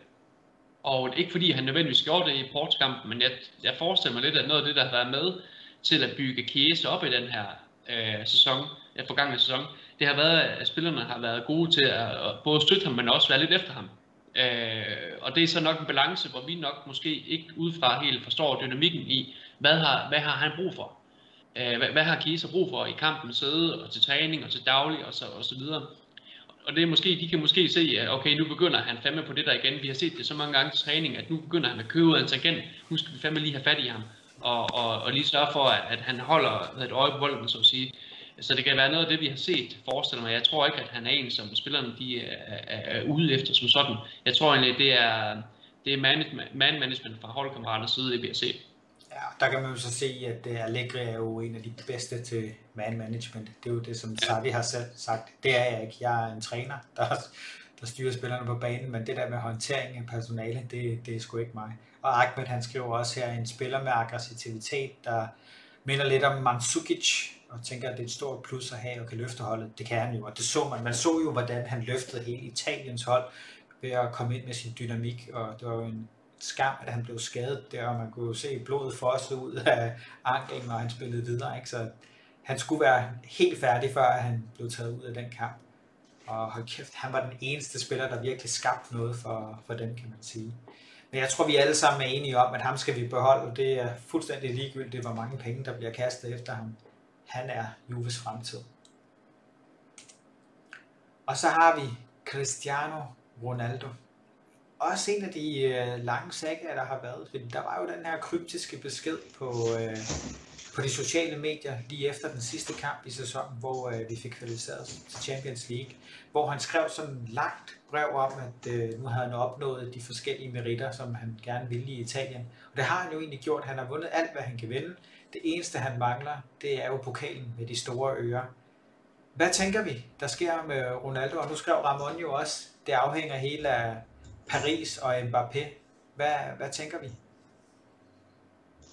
Jamen, jeg tror egentlig, det er lidt eller, eller Dybalas situation. Jeg tror faktisk, han selv gerne ville have været videre den her sommer. Øh, men vi, øh, han er jo også en del i, at øh, han er en af de bedst lønnede spillere i verden, ikke? og han har trods alt en kontrakt et år i, endnu i Juventus med den astronomiske løn, han nu engang har det går han ikke ud og finder en anden klub i, øh, i, i de nuværende øh, hvad skal man sige, økonomiske rammer, der kan give ham i forhold til der, hvor han måske øh, øh, gerne vil hen. Så, så jeg tror egentlig, at, øh, at vi har nok kigget, eller han har nok kigget ind i en situation, hvor han forberedt sig på ligesom at, at komme videre, men, men tilbudene har simpelthen ikke været der i forhold til, at, at han har fundet en anden klub, som, som kunne være attraktiv øh, at komme videre til. Ja, man kan sige, hvis der var en klub, der skulle kunne betale for ham, så er det jo lige præcis Paris. Altså, der er ingen andre, der har så mange penge, som de har. Og lige nu, der virker det jo som om, at de har en pengetank, som de bare kan tage fra og bare købe den ene store spiller efter den anden, og give den ene vanvittige løn efter den anden. Og det er jo rimelig vildt, kan man sige. Og Ronny han skriver her, desværre bliver han nok. Hvorfor desværre? Vi har jo ligesom en spiller, der slår den ene rekord efter den anden, og garanterer os 30 plus mål det, øh, det er i min bog øh, en vigtig spiller at have, og det er ikke bare lige, man kan erstatte, især når man har den midtbane, som vi har indtil videre. Så øh, er det jo vanvittigt, at der er en, der kan præstere sådan, og rent faktisk sikre os en fjerdeplads. Jeg tror, uden ham, så var vi slet ikke noget deroppe. Øh, ja. Lisbeth, hun skriver her, han fylder bare for meget på et hold, alt skal sættes op om ham, synes det er ærgerligt, og han kommer desværre ingen steder på grund af lønnen. Jeg vil gerne lige, hvis jeg gerne lige jeg vil gerne lige sige noget, det er, det er at uh, jeg, jeg synes godt nok, at jeg læser mange kommentarer om, at han fylder meget, han fylder meget, og, og det er der rigtig mange, der skriver. Men hvis man, uh, altså, hvis man hører holdkammeraterne, og det er ikke kun i, i Juventus, men også i hans tidligere klubber, så er han en utrolig vældigt holdkammerat. Altså han er en, som hjælper folkene omkring ham, og, og er positiv, og hiver alle de andre med op til træning og løfter barnen for træningsniveauet every fucking day den første, der møder ind, den sidste, der går hjem. Og, øh, og hans, hans, den, den etik, han bringer for døren i forhold til at, at, at holde, holde sig selv ved lige, er inspirerende for alle de andre.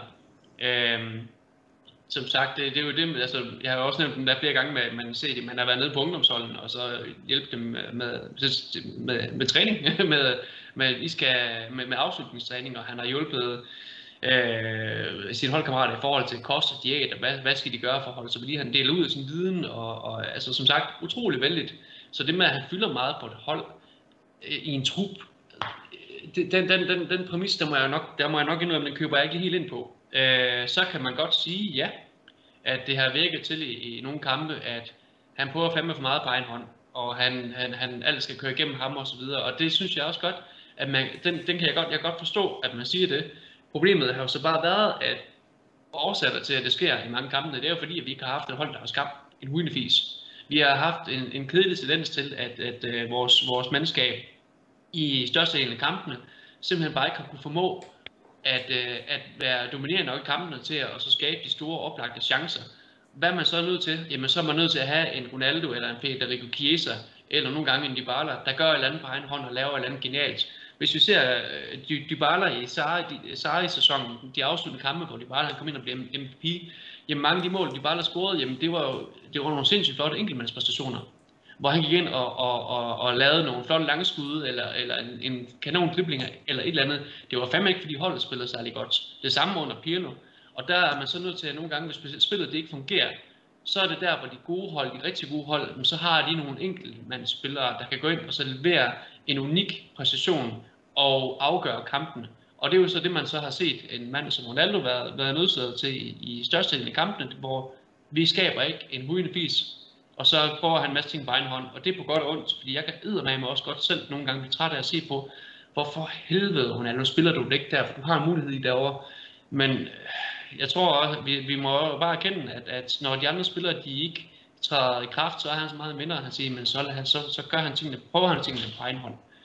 Øh, I forhold til, om han er for dyr, øh, eller, eller hvad han koster i løn, jamen igen, det er jo en, en, en økonomisk afvejning af, hvad bringer han ind, og hvad har han bragt ind i forhold til sponsorater og alt muligt andet. Og det er jo noget, som vi har været inde og vende i tidligere podcast, det er, hvor meget bringer han ind, øh, kontra hvad hans udgifter de er. Og og så kan man så se på, hvis man så kigger på den, den endelige bundlinje cost-benefit, hvad, hvad, han, hvad er det værd, alle de mål han scorer, alt det han bringer til. Øh, og det er jo, det skal jeg ikke sidde og afgøre her, men man skal passe på med at male fanden på væggen, øh, med at han bliver et, et år mere i hvert fald. Øh, men nu, der er vist også opbrugt min taletid nu. Men, øh, ja. Ja, altså man kan sige, der, der er i hvert fald andre klubber, der har lidt rigtig meget under ham. Det kan man jo se, at Ramon han skriver her, at uh, både Manchester og Real Madrid, de har lidt rigtig meget, og nogle gange har vi også snakket sammen, og, hvor han har spurgt, jamen, altså Juventus-fans, kan de ikke lide en spiller, der scorer 30 plus mål? Det må være de eneste i verden, der kritiserer deres topscorer øh, dag ind og dag ud. Men, øh, men ja, sådan er det jo for nogen. Han er ikke alles kop te, og det respekterer vi selvfølgelig. Øhm, ja, så er der jo alt det med, som Jesper også skriver øh, med, med lønnen, altså de 30 millioner, ja, det kan godt være, at de bliver frigivet, men man skal også lige huske den der investering, som man har lavet med, med Ronaldo, det giver jo de her sponsorater. Det er jo derfor, at vi kan blive ved, altså vi er en af de eneste klubber i verden, der kan blive ved med at få højere sponsorater, netop fordi vi har verdens mest populære mand, så øh, som Dennis også skrev, verdens bedste, selvfølgelig skal han blive i klubben. Altså, det eneste, man kan sige, det er, det var nok uheldigt tidspunktet, han kom ind til Juventus på, fordi hvis han havde været under MVP, så havde vi fandme vundet alt, og vi havde vundet flere år i træk med ham. Det var ligesom den sidste del, der manglede i Juventus, den der ægte målscorer, som vi manglede. Desværre havde vi ham ikke på det tidspunkt, og det var også derfor, vi kom til kort i Cardiff med de to mål, han blandt andet lavede. Jeg tænker, det var nok om Ronaldo. Lad os øh, hoppe videre. Paul, den får du. Daniel Rogani. Jamen, øh, han er samme case scenarie som, som det Silvio, ikke? Øh, forholdsvis billig løn afskrevet i bøgerne og så videre og så videre. Så selvom det er Miral, så tror jeg, at han bliver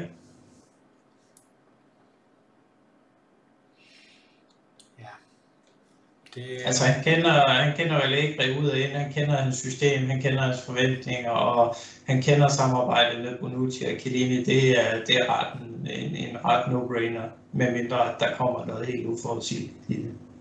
Ja, det, det. Han kunne være en rimelig god breddespiller af, sådan så man ikke lige pludselig er nødt til at bruge Danilo som uh, centerback eller et eller andet. Mm. Så. Men uh, vi hopper videre, og nu går vi endelig videre til, hvem det er, vi kan købe, eller hvem det er, det kan, vi hurtigt klare.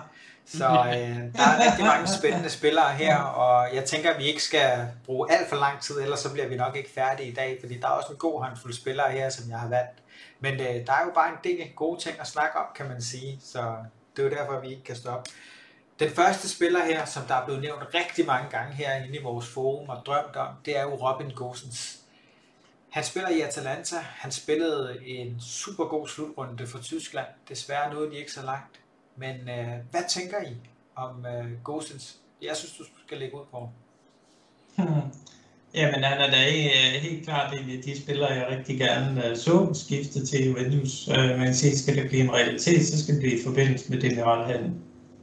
Fordi Juve har ikke, øh, har ikke øh, hvad skal man sige, reddet cash til at gå ud og købe Nej, det har de ikke, og det man også kan sige, altså jeg, jeg tror jo egentlig, at det her, det forbliver en drøm, og ikke meget mere end, end det, fordi øh, vi har jo Alexandro ude på venstrebakken, der koster 7 millioner om året, hvis ikke jeg husker helt forkert, og hvis man henter Gosens ind, så skal Alexandro nok først videre, før at det kan blive en realitet.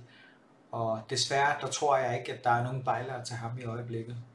Så, øh, så jeg tror, at det her det forbliver en drøm og, og ikke mere, mm. i hvert fald i den her sæson. Hvad tænker du, Jimmy? Jo, jeg er enig. Jeg tror aldrig, vi ser Gosens i, i juletrøjen. Øhm, han, øhm, han er for dyr, og øh, altså, han er for dyr i indkøb nu her, og vi kommer ikke til at se en, en backup eller en, eller, eller en ny, en ny starter, så, så længe vi kommer ikke til at se en backup af den kvalitet, samtidig vi har, med, at vi har Alexander. Vi kommer ikke til at se en ny starter, mindre vi stiller ham. Så det, det er, det er utopi at tænke på, at vi kan hente en der er så god, øh, og så samtidig have Alexandro i, i, i bøger. Nej, øh, han kommer ikke. Nej. Men han er pissefed, han er en god spiller, og jeg så ham også gerne. Ingen tvivl. Ja, det tror jeg, vi alle sammen er enige om. Altså, det er jo sjældent, at man ser en øh, venstreback score 10 mål og lave 11 assist på en enkelt sæson. Ikke?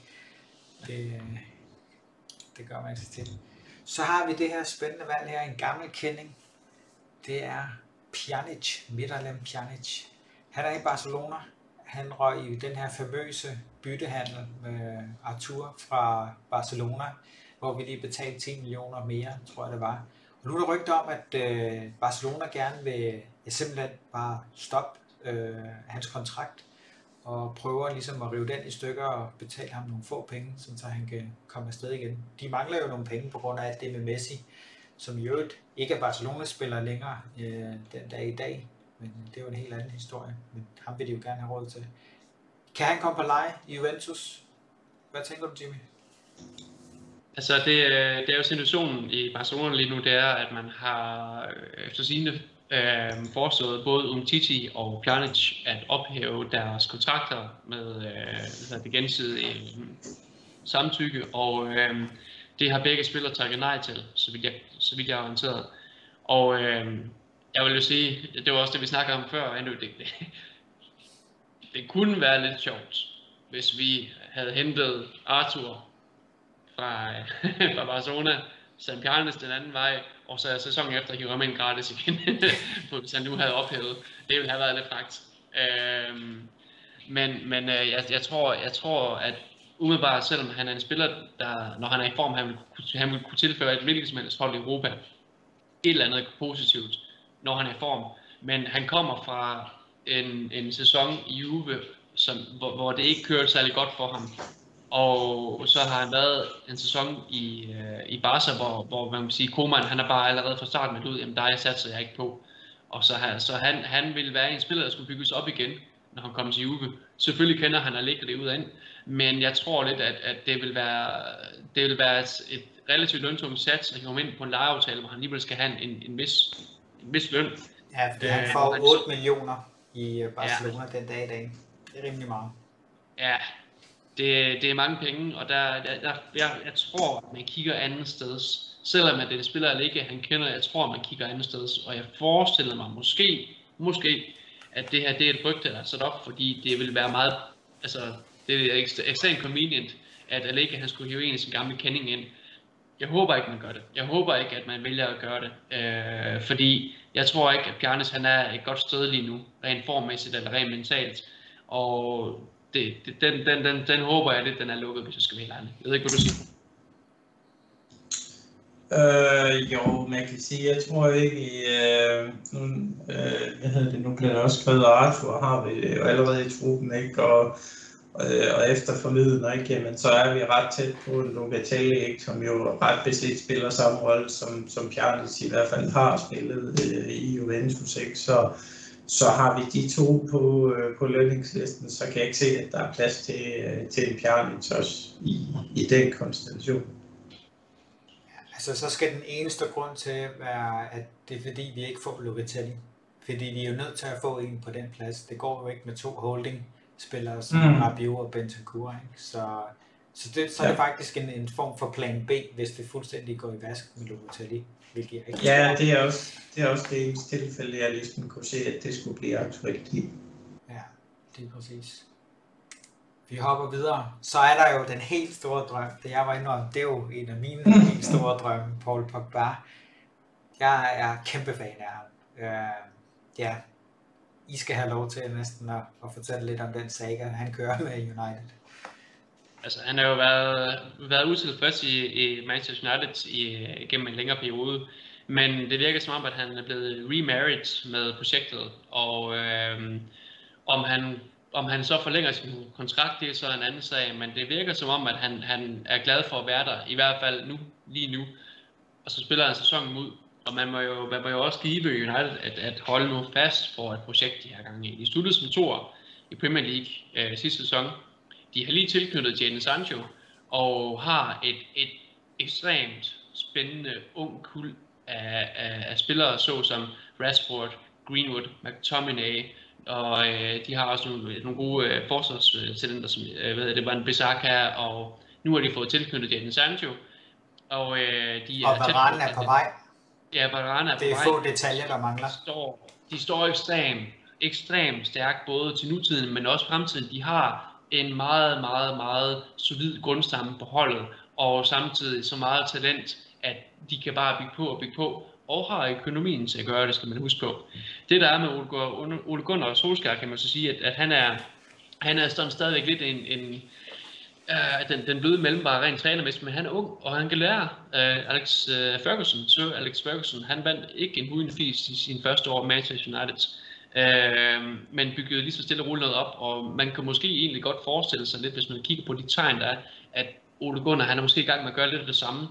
Så jeg forestiller mig, at vi får øh, Pogba at se i United mindst et år mere, og man så forlænger eller tager til PSG efterfølgende eller lignende, eller til Juve. Det vil tiden vise, men jeg tror ikke, vi skulle vente, at vi ser ham i år. Øh, desværre, selvom at det havde jeg lidt håbet, og i min, i min naivitet troede lidt på, at det kunne måske lade sig gøre, men det kommer ikke til at ske nu. Nej, altså, og, og det sjove er jo, at øh, jeg tror, det var, var det sidste år eller forrige år, der meldte øh, både Romeo Agresti og Fabrizio Romano ud, at hvis pandemien ikke havde ramt Juventus, så var Pogba blevet en Juventus-spiller. Så, så det gør jo lidt ondt, at øh, han har været så tæt på at komme tilbage igen, men øh, så alligevel er langt fra. Og, og nu skriver Ramon også her, at Paris' fans har meldt ud, at de ikke vil have ham, så det kan jo godt være, at Paris heller ikke bliver en mulighed. Så, så det bliver jo spændende at se. Jeg tror også, som Jimmy siger, han bliver i hvert fald et år mere i United, så kan det være, at han kommer tilbage gratis til Juventus. Det kunne jo være det vildeste, der er sket, at man sælger en spiller til hvad, 100 120 millioner euro, og så henter ham tilbage igen gratis fem år efter. Det kunne for være fantastisk gang. at se for anden gang, ja, lige præcis. Og ja, det er rigtigt, han har lige været på ferie med Dybala. De var i Miami sammen, kunne man se på Instagram i hvert fald. Ja. Øhm, Ja, og der bliver skrevet her kæmpe stort nej tak fra Hans Christian. Løntung og alt for svingende. Ja, det selvfølgelig rigtigt. I United var han løntung og, og svingende, men uh, det kunne jo være en anden historie i Juventus, fordi der var mm. fantastisk. Intet mindre end fantastisk. Men altså United, øh, United kigger jo ind i samme scenarie med Pogba, som vi gør med, øh, med Dybala, og men Dybala gerne vil blive her. Jeg, jeg tror faktisk ikke på, at Pogba gider at blive i, i United, ikke? så jeg tror, at anden tager det klare valg om, jamen kan blive solgt den her sommer måske til PSG, som jo er egentlig er det eneste hold, der har pengene til umiddelbart lige at hente ham til måske 50 millioner, ikke? Uh, så vil han gerne det. Uh, men han er også Øh, jeg tror også, han er indstillet på at, at blive en af de her mange spillere, vi efterhånden ser, ikke, som, som lader deres kontrakter glide ud simpelthen. Øh, store topspillere, det var Norma gjorde det også, ikke? for så at komme videre og sige, så scorer jeg selv en, en større sign fee ikke på måske øh, også for hans vedkommende, hans store kontrakt, inden han, øh, han kommer ind i karrierens efterår. Ikke? Så, øh, jeg tror desværre ikke, at Juventus er, er, er bejler til ham, som du selv var inde på, jamen havde corona ikke været her, så den har ligget lige til højre ben, at det var ham, man havde sat alt ind på, ikke? Men, øh, men jeg tror ikke, jeg tror ikke United er åben for en toårig lejeaftale med øh, en eller anden option eller noget lignende på med 10 millioner om året. Så øh, de har penge nok, og det, det, det, det er jo altid et problem, og at handle med klubber, der ikke er presset økonomisk for at skal sælge øh, deres spillere. Man kan sige, det, det er hul i hovedet. Det er ikke en spiller, man har givet 100 millioner for, men man er tvunget til at lade hans kontrakt udløbe, bare fordi man er stedet ikke. Men, men de store klubber, der har pengene, ikke, jamen, øh, det, hvad skal man sige, det er jo deres gebet, at, at de kan have lov til at gøre det, ikke? og se, hvem der står stylist på, øh, på tingene. Ikke? Men, øh, men Juventus-spiller ja. tror jeg desværre ikke, han bliver. Nej, ikke den her sæson i hvert fald, og jeg tror egentlig også, at han kommer til at køre kontrakten ud. Altså nu skal man jo huske, at han har den mest berygtede agent af dem alle, Mino Raiola, så øh, jeg tror bedre på, at øh, han kommer til at gå gratis næste sæson, men øh, spørgsmålet er bare, hvem der har penge nok til at hive ham ind. Må det ikke det bliver Paris i sidste ende? Det kunne jeg være lidt bange for. Vi hopper videre. Er der nogen, der kan huske den her mm. herre? Han har også været omtalt mange gange i Juventus. Og jeg ved i hvert fald, at uh, Jimmy, han uh, har, har i hvert fald et rigtig godt øje til ham, og har tidligere talt meget varmt om ham i de forskellige podcasts, vi har haft i løbet af seneste sæson. Nogen, der vil huske ham? Ja, jeg tror, han ryger til Arsenal. Og der kommer det er lige præcis Hussein Aouar fra Lyon. og han er egentlig blevet lovet af præsidenten, at han gerne må flytte den her sæson. Spørgsmålet er bare, om der er nogen, der har penge nok. Og ja, Arsenal er et rigtig godt bud, fordi Granit Xhaka er jo på vej videre. Han øh, havner med stor sandsynlighed i Roma sammen med Mourinho. Så det kunne jo være et rigtig godt bud, at han rører til mm. Arsenal. Jamen altså samme problemstilling igen, ikke? hvor man siger, at han er en spiller, der vil koste 40-45 millioner euro, tror jeg. Øh, de penge har Juventus heller ikke til ham. og igen, jamen det er, det er en spiller, der er interesse nok i for de klubber, der, der har pengene, især fra Premier League ikke? Så, øh, så ligesom med de andre, Lacazette og hvad de ellers hedder, ikke? Jamen så, øh, så vil det være et godt bud, at, øh, at Lyon også skyder ham af til, til Premier League.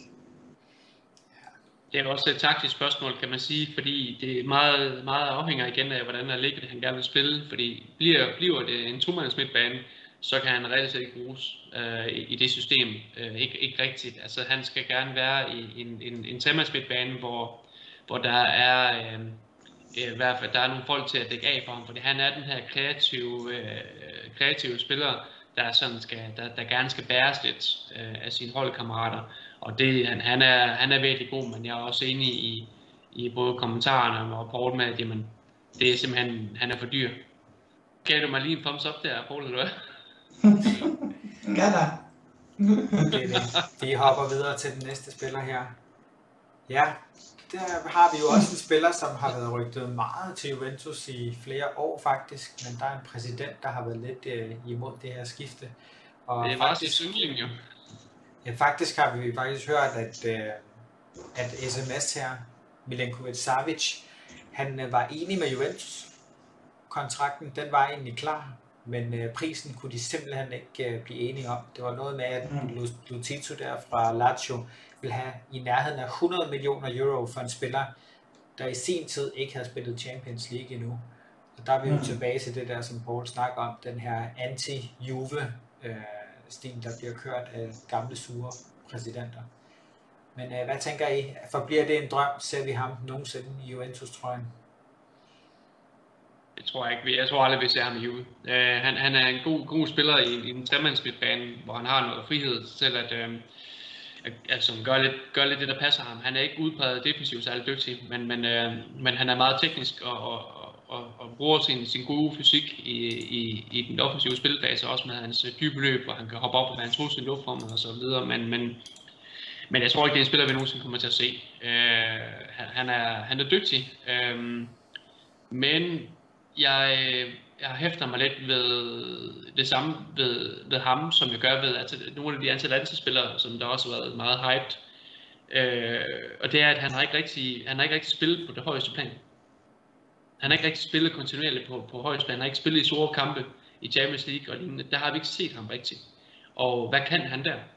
Så det, jeg har igen lidt sådan, at jamen, han er ed med en spændende spiller, og jeg, jeg, vil endelig, jeg vil ikke have noget mod at se ham i Juve, men jeg tror simpelthen, at han er for dyr, og vi ved reelt set ikke, hvad han kan i de helt, helt store kampe. Fordi det har vi ikke set endnu, der har han faktisk udprøvet. Faktisk så der vil kun mod Juve, øh, som jeg husker, der har han faktisk været ret god. Åh oh, jo, men det ser jeg ikke. ja, ja, det er helt andet spil Champions League, og, og, og, det er, og det er der, hvor jeg, hvor jeg hæfter mig det ved, at, at der ved vi ikke, hvad han kan. Og der er det meget at smide 100 millioner for en spiller, som altså, i hans alder, han, han er det, det, det er det færdige produkt, det, det er det, vi ser nu.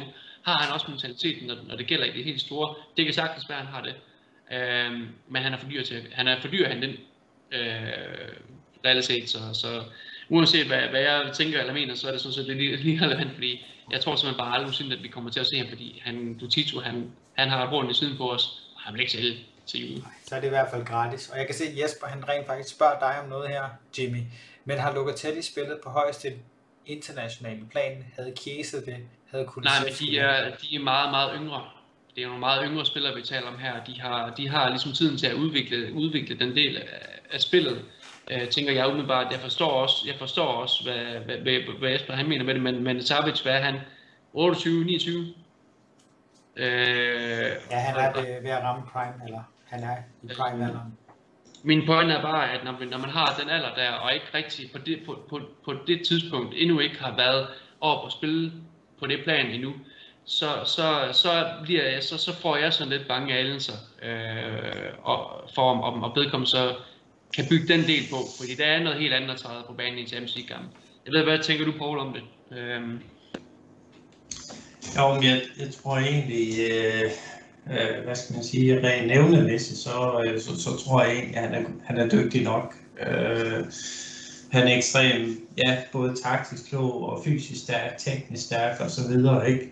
Øh, det er klart, det, det, det, det er noget andet igen. Det lyder lidt som en floskel, ikke? Men, men det er noget andet at, at komme til Juventus og spille i de her år. Lazio var også en stor klub før i tiden, ikke? Som, som var med helt fremme i, i Europa. Ikke? Det er det ikke så meget længere, men, men det er noget andet at komme til Juventus og skal performe på, på, på det niveau, hvor det er med europæiske sigte frem for alt. Ikke? Og, og selvfølgelig skal man vinde øh, mesterskabet hvert år, ikke? Så, så der er nogle andre ting på, på spil der. Øh, jeg ser egentlig, at han har det rigtige udgangspunkt til at kunne fylde de der ting på, øh, på, på sit spil, så, så, så jeg er ikke jeg er ikke så nervøs for det, men, det, men igen, øh, for at blive kedelig, at meget kedelig, ikke, så kan man sige, det er jo samme udgangspunkt, uanset hvilken af de her øh, transfers, vi, vi sidder og snakker, ikke? Jamen, vi har en pose penge, der er dedikeret til at, at lande en Locatelli-handel, og så, så er det ligesom lukket, medmindre der bliver der bliver solgt noget, noget gidin ud over disken. Ikke? Så,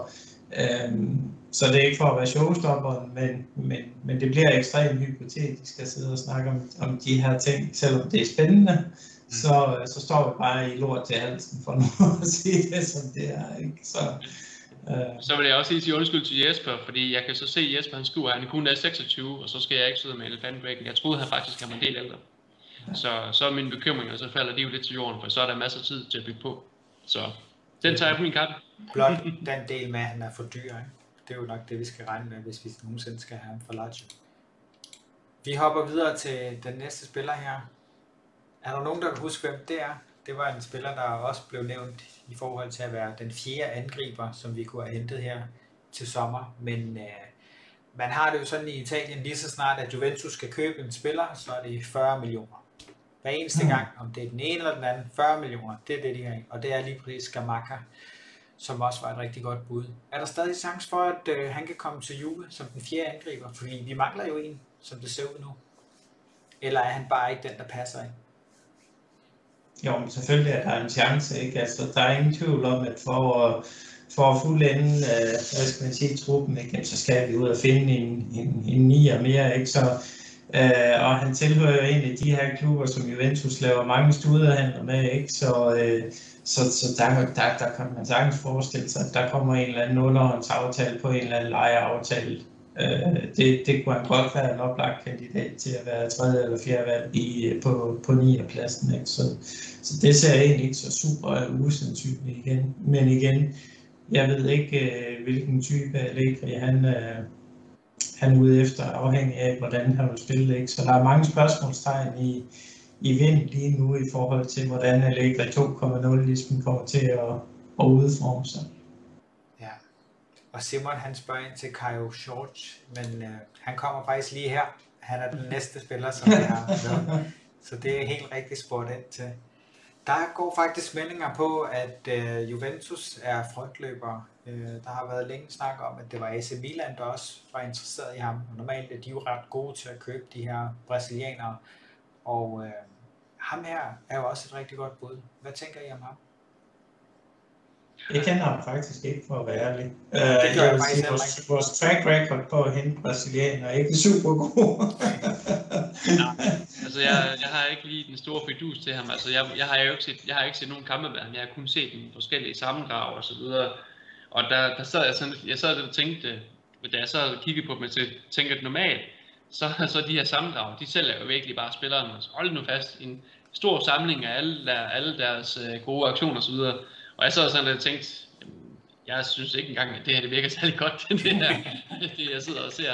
Øh, han, er, han er hurtig, og, og, og teknisk virker han egentlig også til at være så meget typisk en dygtig brasiliansk tekniker, men, men øh, han virker ikke til at være en, der sådan, altså igen, YouTube-klip, det er det, jeg har set, men han virker ikke til at være en, der så har den store fodboldintelligens, eller det store subprodukt, eller lignende, som ikke, altså, det, det, jeg ved det ikke. Jeg, jeg, tror, jeg tror lidt, at, at vi måske et år får et Lasse Milan lidt. jeg, jeg, jeg tror ikke, det er en, vi er rigtig interesseret i. Det, her, det har jeg ikke. Øh, jeg, har, jeg har i hvert fald ikke hørt nogen altså, pålidelige rygter omkring det endnu. Nogen det er i hvert fald ikke nogen af de helt store, der har snakket ham. Ja, det er rigtigt, hvad Simon han skriver, at hans kontrakt slutter til januar. Så det vil også sige, at han kan fås rigtig billigt.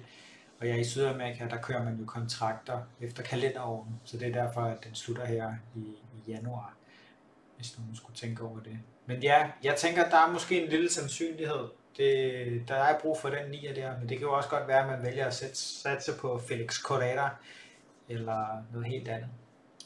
Vi hopper videre, og det her, det bliver den sidste spiller, vi kommer til at tale om i dag. Det er jo mm. ham, som øh, alle håber på, at Juventus skriver under med her. Ja, gerne i den her uge, måske først i næste uge, men øh, så vidt jeg ved, så er vi virkelig, virkelig tæt på ham. Altså, han har jo allerede inde på sin Instagram lagt et billede op, hvor han skriver Kalma, som betyder, at man skal tage det med ro. Ikke? Øh, han vil gerne til Juventus, Juventus vil gerne have ham. Han har en aftale, en gentleman's aftale med præsidenten om, at det er Juventus, han skal til alt peger på, at Locatelli bliver vores første store signing den her sommer. Hvad tænker I? Vores eneste store signing. Ja, vores eneste signing, ja. Nå, ja, men, ja, men det tror jeg altså. Jeg vil, jeg vil rate det til 90 procent rent faktisk. Så, øh, så, så, så det, det tror jeg egentlig, det, øh, det kan vi være ret sikre på, at, at han ender i, i, i den sort-hvide trøje. Det, de arbejder på nu, det er formalisering af, af, hvad skal man sige, selve transferen, ikke om det skal være noget kiesa-agtigt, eller hvor mange penge, der ligesom skal være dedikeret til upfront betaling og så videre og så videre, for at begge klubber ligesom kan få det til at hænge sammen. Ikke? Så, øh, så den er jeg egentlig ikke så nervøs for, at, at det kommer af. Nej, jeg tror også, at det er en, vi, vi kommer til at se i trøjen. Øh, jeg har været sådan lidt inde på for nogle måneder siden omkring, jamen, er, det, er det ham, vi har brug for? Øhm, fordi vi, består lidt og mangler den her, den her udbredte kreative spiller, der kan gå ind og, og virkelig sætte sig igennem i øh, hvad hedder det, øhm, i den, i, den, i den offensive spilfase. Men der virker det jo så til, at man gerne vil satse på, at Dybala han skal være, han skal være den spiller. Så må vi jo håbe, at han kan holde sig skadesfri, fordi Udenbart så har jeg svært ved at se, hvem der kan erstatte Dybala som værende en udbredt kreatør. Øh, vi har en, en, en ung Farioli rendende rundt, som måske endda bliver en del af den her handel. Det må vi vente og se. Øh, jeg ved ikke, om, om han er god nok, øh, Farioli, til at være, være, være en, vi skal satse på i den kommende sæson til at spille en, en vigtig rolle. Øh, Locatelli, ham tænker jeg så udenbart, at, at han har så bygget så meget på i år, at efterhånden man kan sige, okay, det kan godt være, at han ikke skal være en udbredt playmaker som sådan, men han er alligevel så, så vigtig en del, øh, han kan alligevel være så vigtig en del af, i, i den offensive spilfase, at, at hvis man ser på den midtbane, vi havde i, i Italien, hvor vi havde en, øh, en Locatelli og en øh, Hoginho og Barella, jamen så kunne de stadigvæk godt formå at få ting til at ske.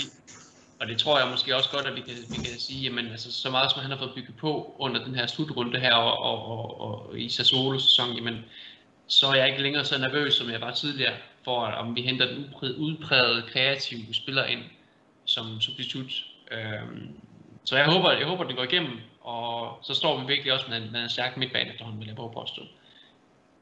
Ja, altså man kan sige, at han er jo næsten den der sidste brik, vi mangler inde på, på midten. Ikke? Fordi før i tiden, der havde vi jo både Pirlo og Pogba, der kunne lave alle de kreative ting, og det var netop derfor, vi scorede så mange mål, selvom vi ikke havde angriber fra øverste hylde. Jo, Tevez var måske, men han var jo også på den anden side af sin karriere på, på det tidspunkt, ikke? og lige, lige pludselig en virkelig verdensklasse spiller. Men sådan er det, når man har en verdensklasse midtbane, så selv øh, ja, det, det tyndeste angreb kan lige pludselig blive øh, et vanvittigt øh, angreb, men desværre kan man ikke være med og, og spille om Champions League, når man ikke har bedre angriber, kan man sige. Det var jo også en ung Morata, vi havde dengang, ikke? som heller ikke er fra øverste hylde. Men øh, jeg tror personligt, at øh, vi får Locatelli, og den øh, bliver skrevet under inden for næste uge. Øh, så er spørgsmålet bare, hvilket nummer han kommer til at få.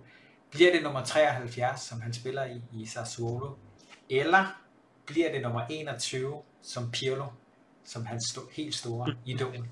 Det må man, den, den er jo fri lige nu, så, så mit bud det er 21 ligesom Pirlo. Så længe Bentancur får nummer 6, så er jeg ligeglad. Jamen, jeg tror faktisk, at nummer 6 allerede er givet til Danilo i den her sæson. Ja. Så, og Quadrado har jo også fået et nyt nummer. I hvert fald inden, hvis man kigger ind på Juves officielle øh, butik, Juve står der, så får øh, Quadrado nummer 11 fra næste mm. sæson. Mm. Den arver han fra Douglas Costa, mener jeg der. Så, men ja, det var nogle af de spillere, som vi havde valgt ud i dag. Der kunne sikkert have været mange andre, men det var i hvert fald nogle, vi kunne ja, snakke lidt op, få et godt grin af og så videre. Men øh, så tænker jeg, at vi runder af for nu. Det blev til ja, halvanden times tid. Og tusind tak, fordi folk havde tålmodigheden til at, at vente på, at teknikken lige spillede. Ja, det er jo desværre sådan, når det er, at man afprøver noget nyt software og prøver at være lidt uh, fancy med noget grafik, at der er mm. nogle ting, der kan smutte. Men i sidste ende, der lykkedes det. Og det tegner jo også lidt uh, billedet af Juventus sidste sæson. Der, der er nogle uh, problemer, men i sidste ende, så lykkedes det i hvert fald bare med noget, så det bliver ordentligt. Det er i hvert fald min undskyldning for, for i dag. Har I nogle ord, som I gerne vil slutte dag med? Hmm. Ikke så meget andet end, at jeg godt nok, øh, jeg er godt nok spændt på den her sæson, det må jeg nok sige. Og jeg glæder mig til at se, hvad Lækker han får ud af det her hold her. Det, det gør jeg virkelig. Ja, man kan sige, hvis der er nogen, der kan, der, der kan vende det rundt ikke, med det materiale, der ligesom er, så er det jo, så er det jo Allegri, og det, er, det beviste han jo også for sidst, han, han kom til, ikke, hvor man kan sige, jamen, øh, vi er ikke et sted, hvor vi kan gå ud og investere 300-400 millioner, desværre øh, på bagkant af corona. Ikke? Så, så, så vi er nødt til at gøre brug af det, vi har, og få det bedste ud af det, og det vi skal nå, det er selvfølgelig øh, det mesterskab, og så den her famøse semifinale i Champions League, for at, at det rent økonomisk giver, giver god mening, ikke? Øh, for at vi kan stable fundamentet på, på plads igen. Ikke? Så, men, men jo, det bliver spændende ikke efter to, øh, to år, hvor det har været sådan lidt ørkenvandring i forhold til spilkoncept og træner, der ikke er ude og hellere vil stå og ryge på sidelinjen, end at lave mandskabspleje og sådan nogle ting. Ikke? Så, så, så, så, så, så det, bliver, det bliver spændende at se, øh, om, vi, om Allegri kan få sat det i nogle ordentlige rammer og få styr på nogle af grundprincipperne i vores, øh, vores øh, hvad skal man sige, hele vores spilkoncept. Øh, det, det er i hvert fald noget, det jeg, jeg virkelig har savnet de, de, de sidste par år. Han har i hvert fald lige formået at sætte sig igennem allerede fra starten af. De tre, der, der ikke røg med til kampen. Øh, Aioli, Di, Di Pardo, og jeg kan ikke huske, den sidste var, men... Øh, ja, fra Brotta. Fra Brotta, fra Brotta faktisk, ja. ja. ja. Så, ja, der var no mercy, men sådan skal det jo også være. Så. Ja. ja, lige præcis. Ja, tusind tak, fordi øh, folk så med. Jeg håber, at øh, det var fedt, og I kunne lide det og at den, det her nye format, hvor vi begynder at kigge på spillere og billeder samtidig, og i fremtiden også øh, situationer fra kampen. Vi ved, at Paul han finder jo ofte de her placeringer og, fra de forskellige hold, når det er, og åbenlyst viser, hvad der har været galt. Så det kan vi jo kigge lidt nærmere på og tage en diskussion om. Gerne live i, i den kommende sæson. Så jeg kan i hvert fald sige herfra, fra det her team af, at I kan glæde jer rigtig meget til den kommende sæson, fordi der vil vi være meget mere på, meget mere live, og så køre den klassiske podcast, som vi også gør. Så igen, tusind tak, fordi I alle sammen så med. Jeg har lovet to trøjer på højkant her meget snart i live show, så øh, glæd jer. Jeg skal nok øh, annoncere, hvornår øh, at de her to trøjer kan vindes. Super. Tak for i aften alle sammen. Tak for i. Selv tak. Hej.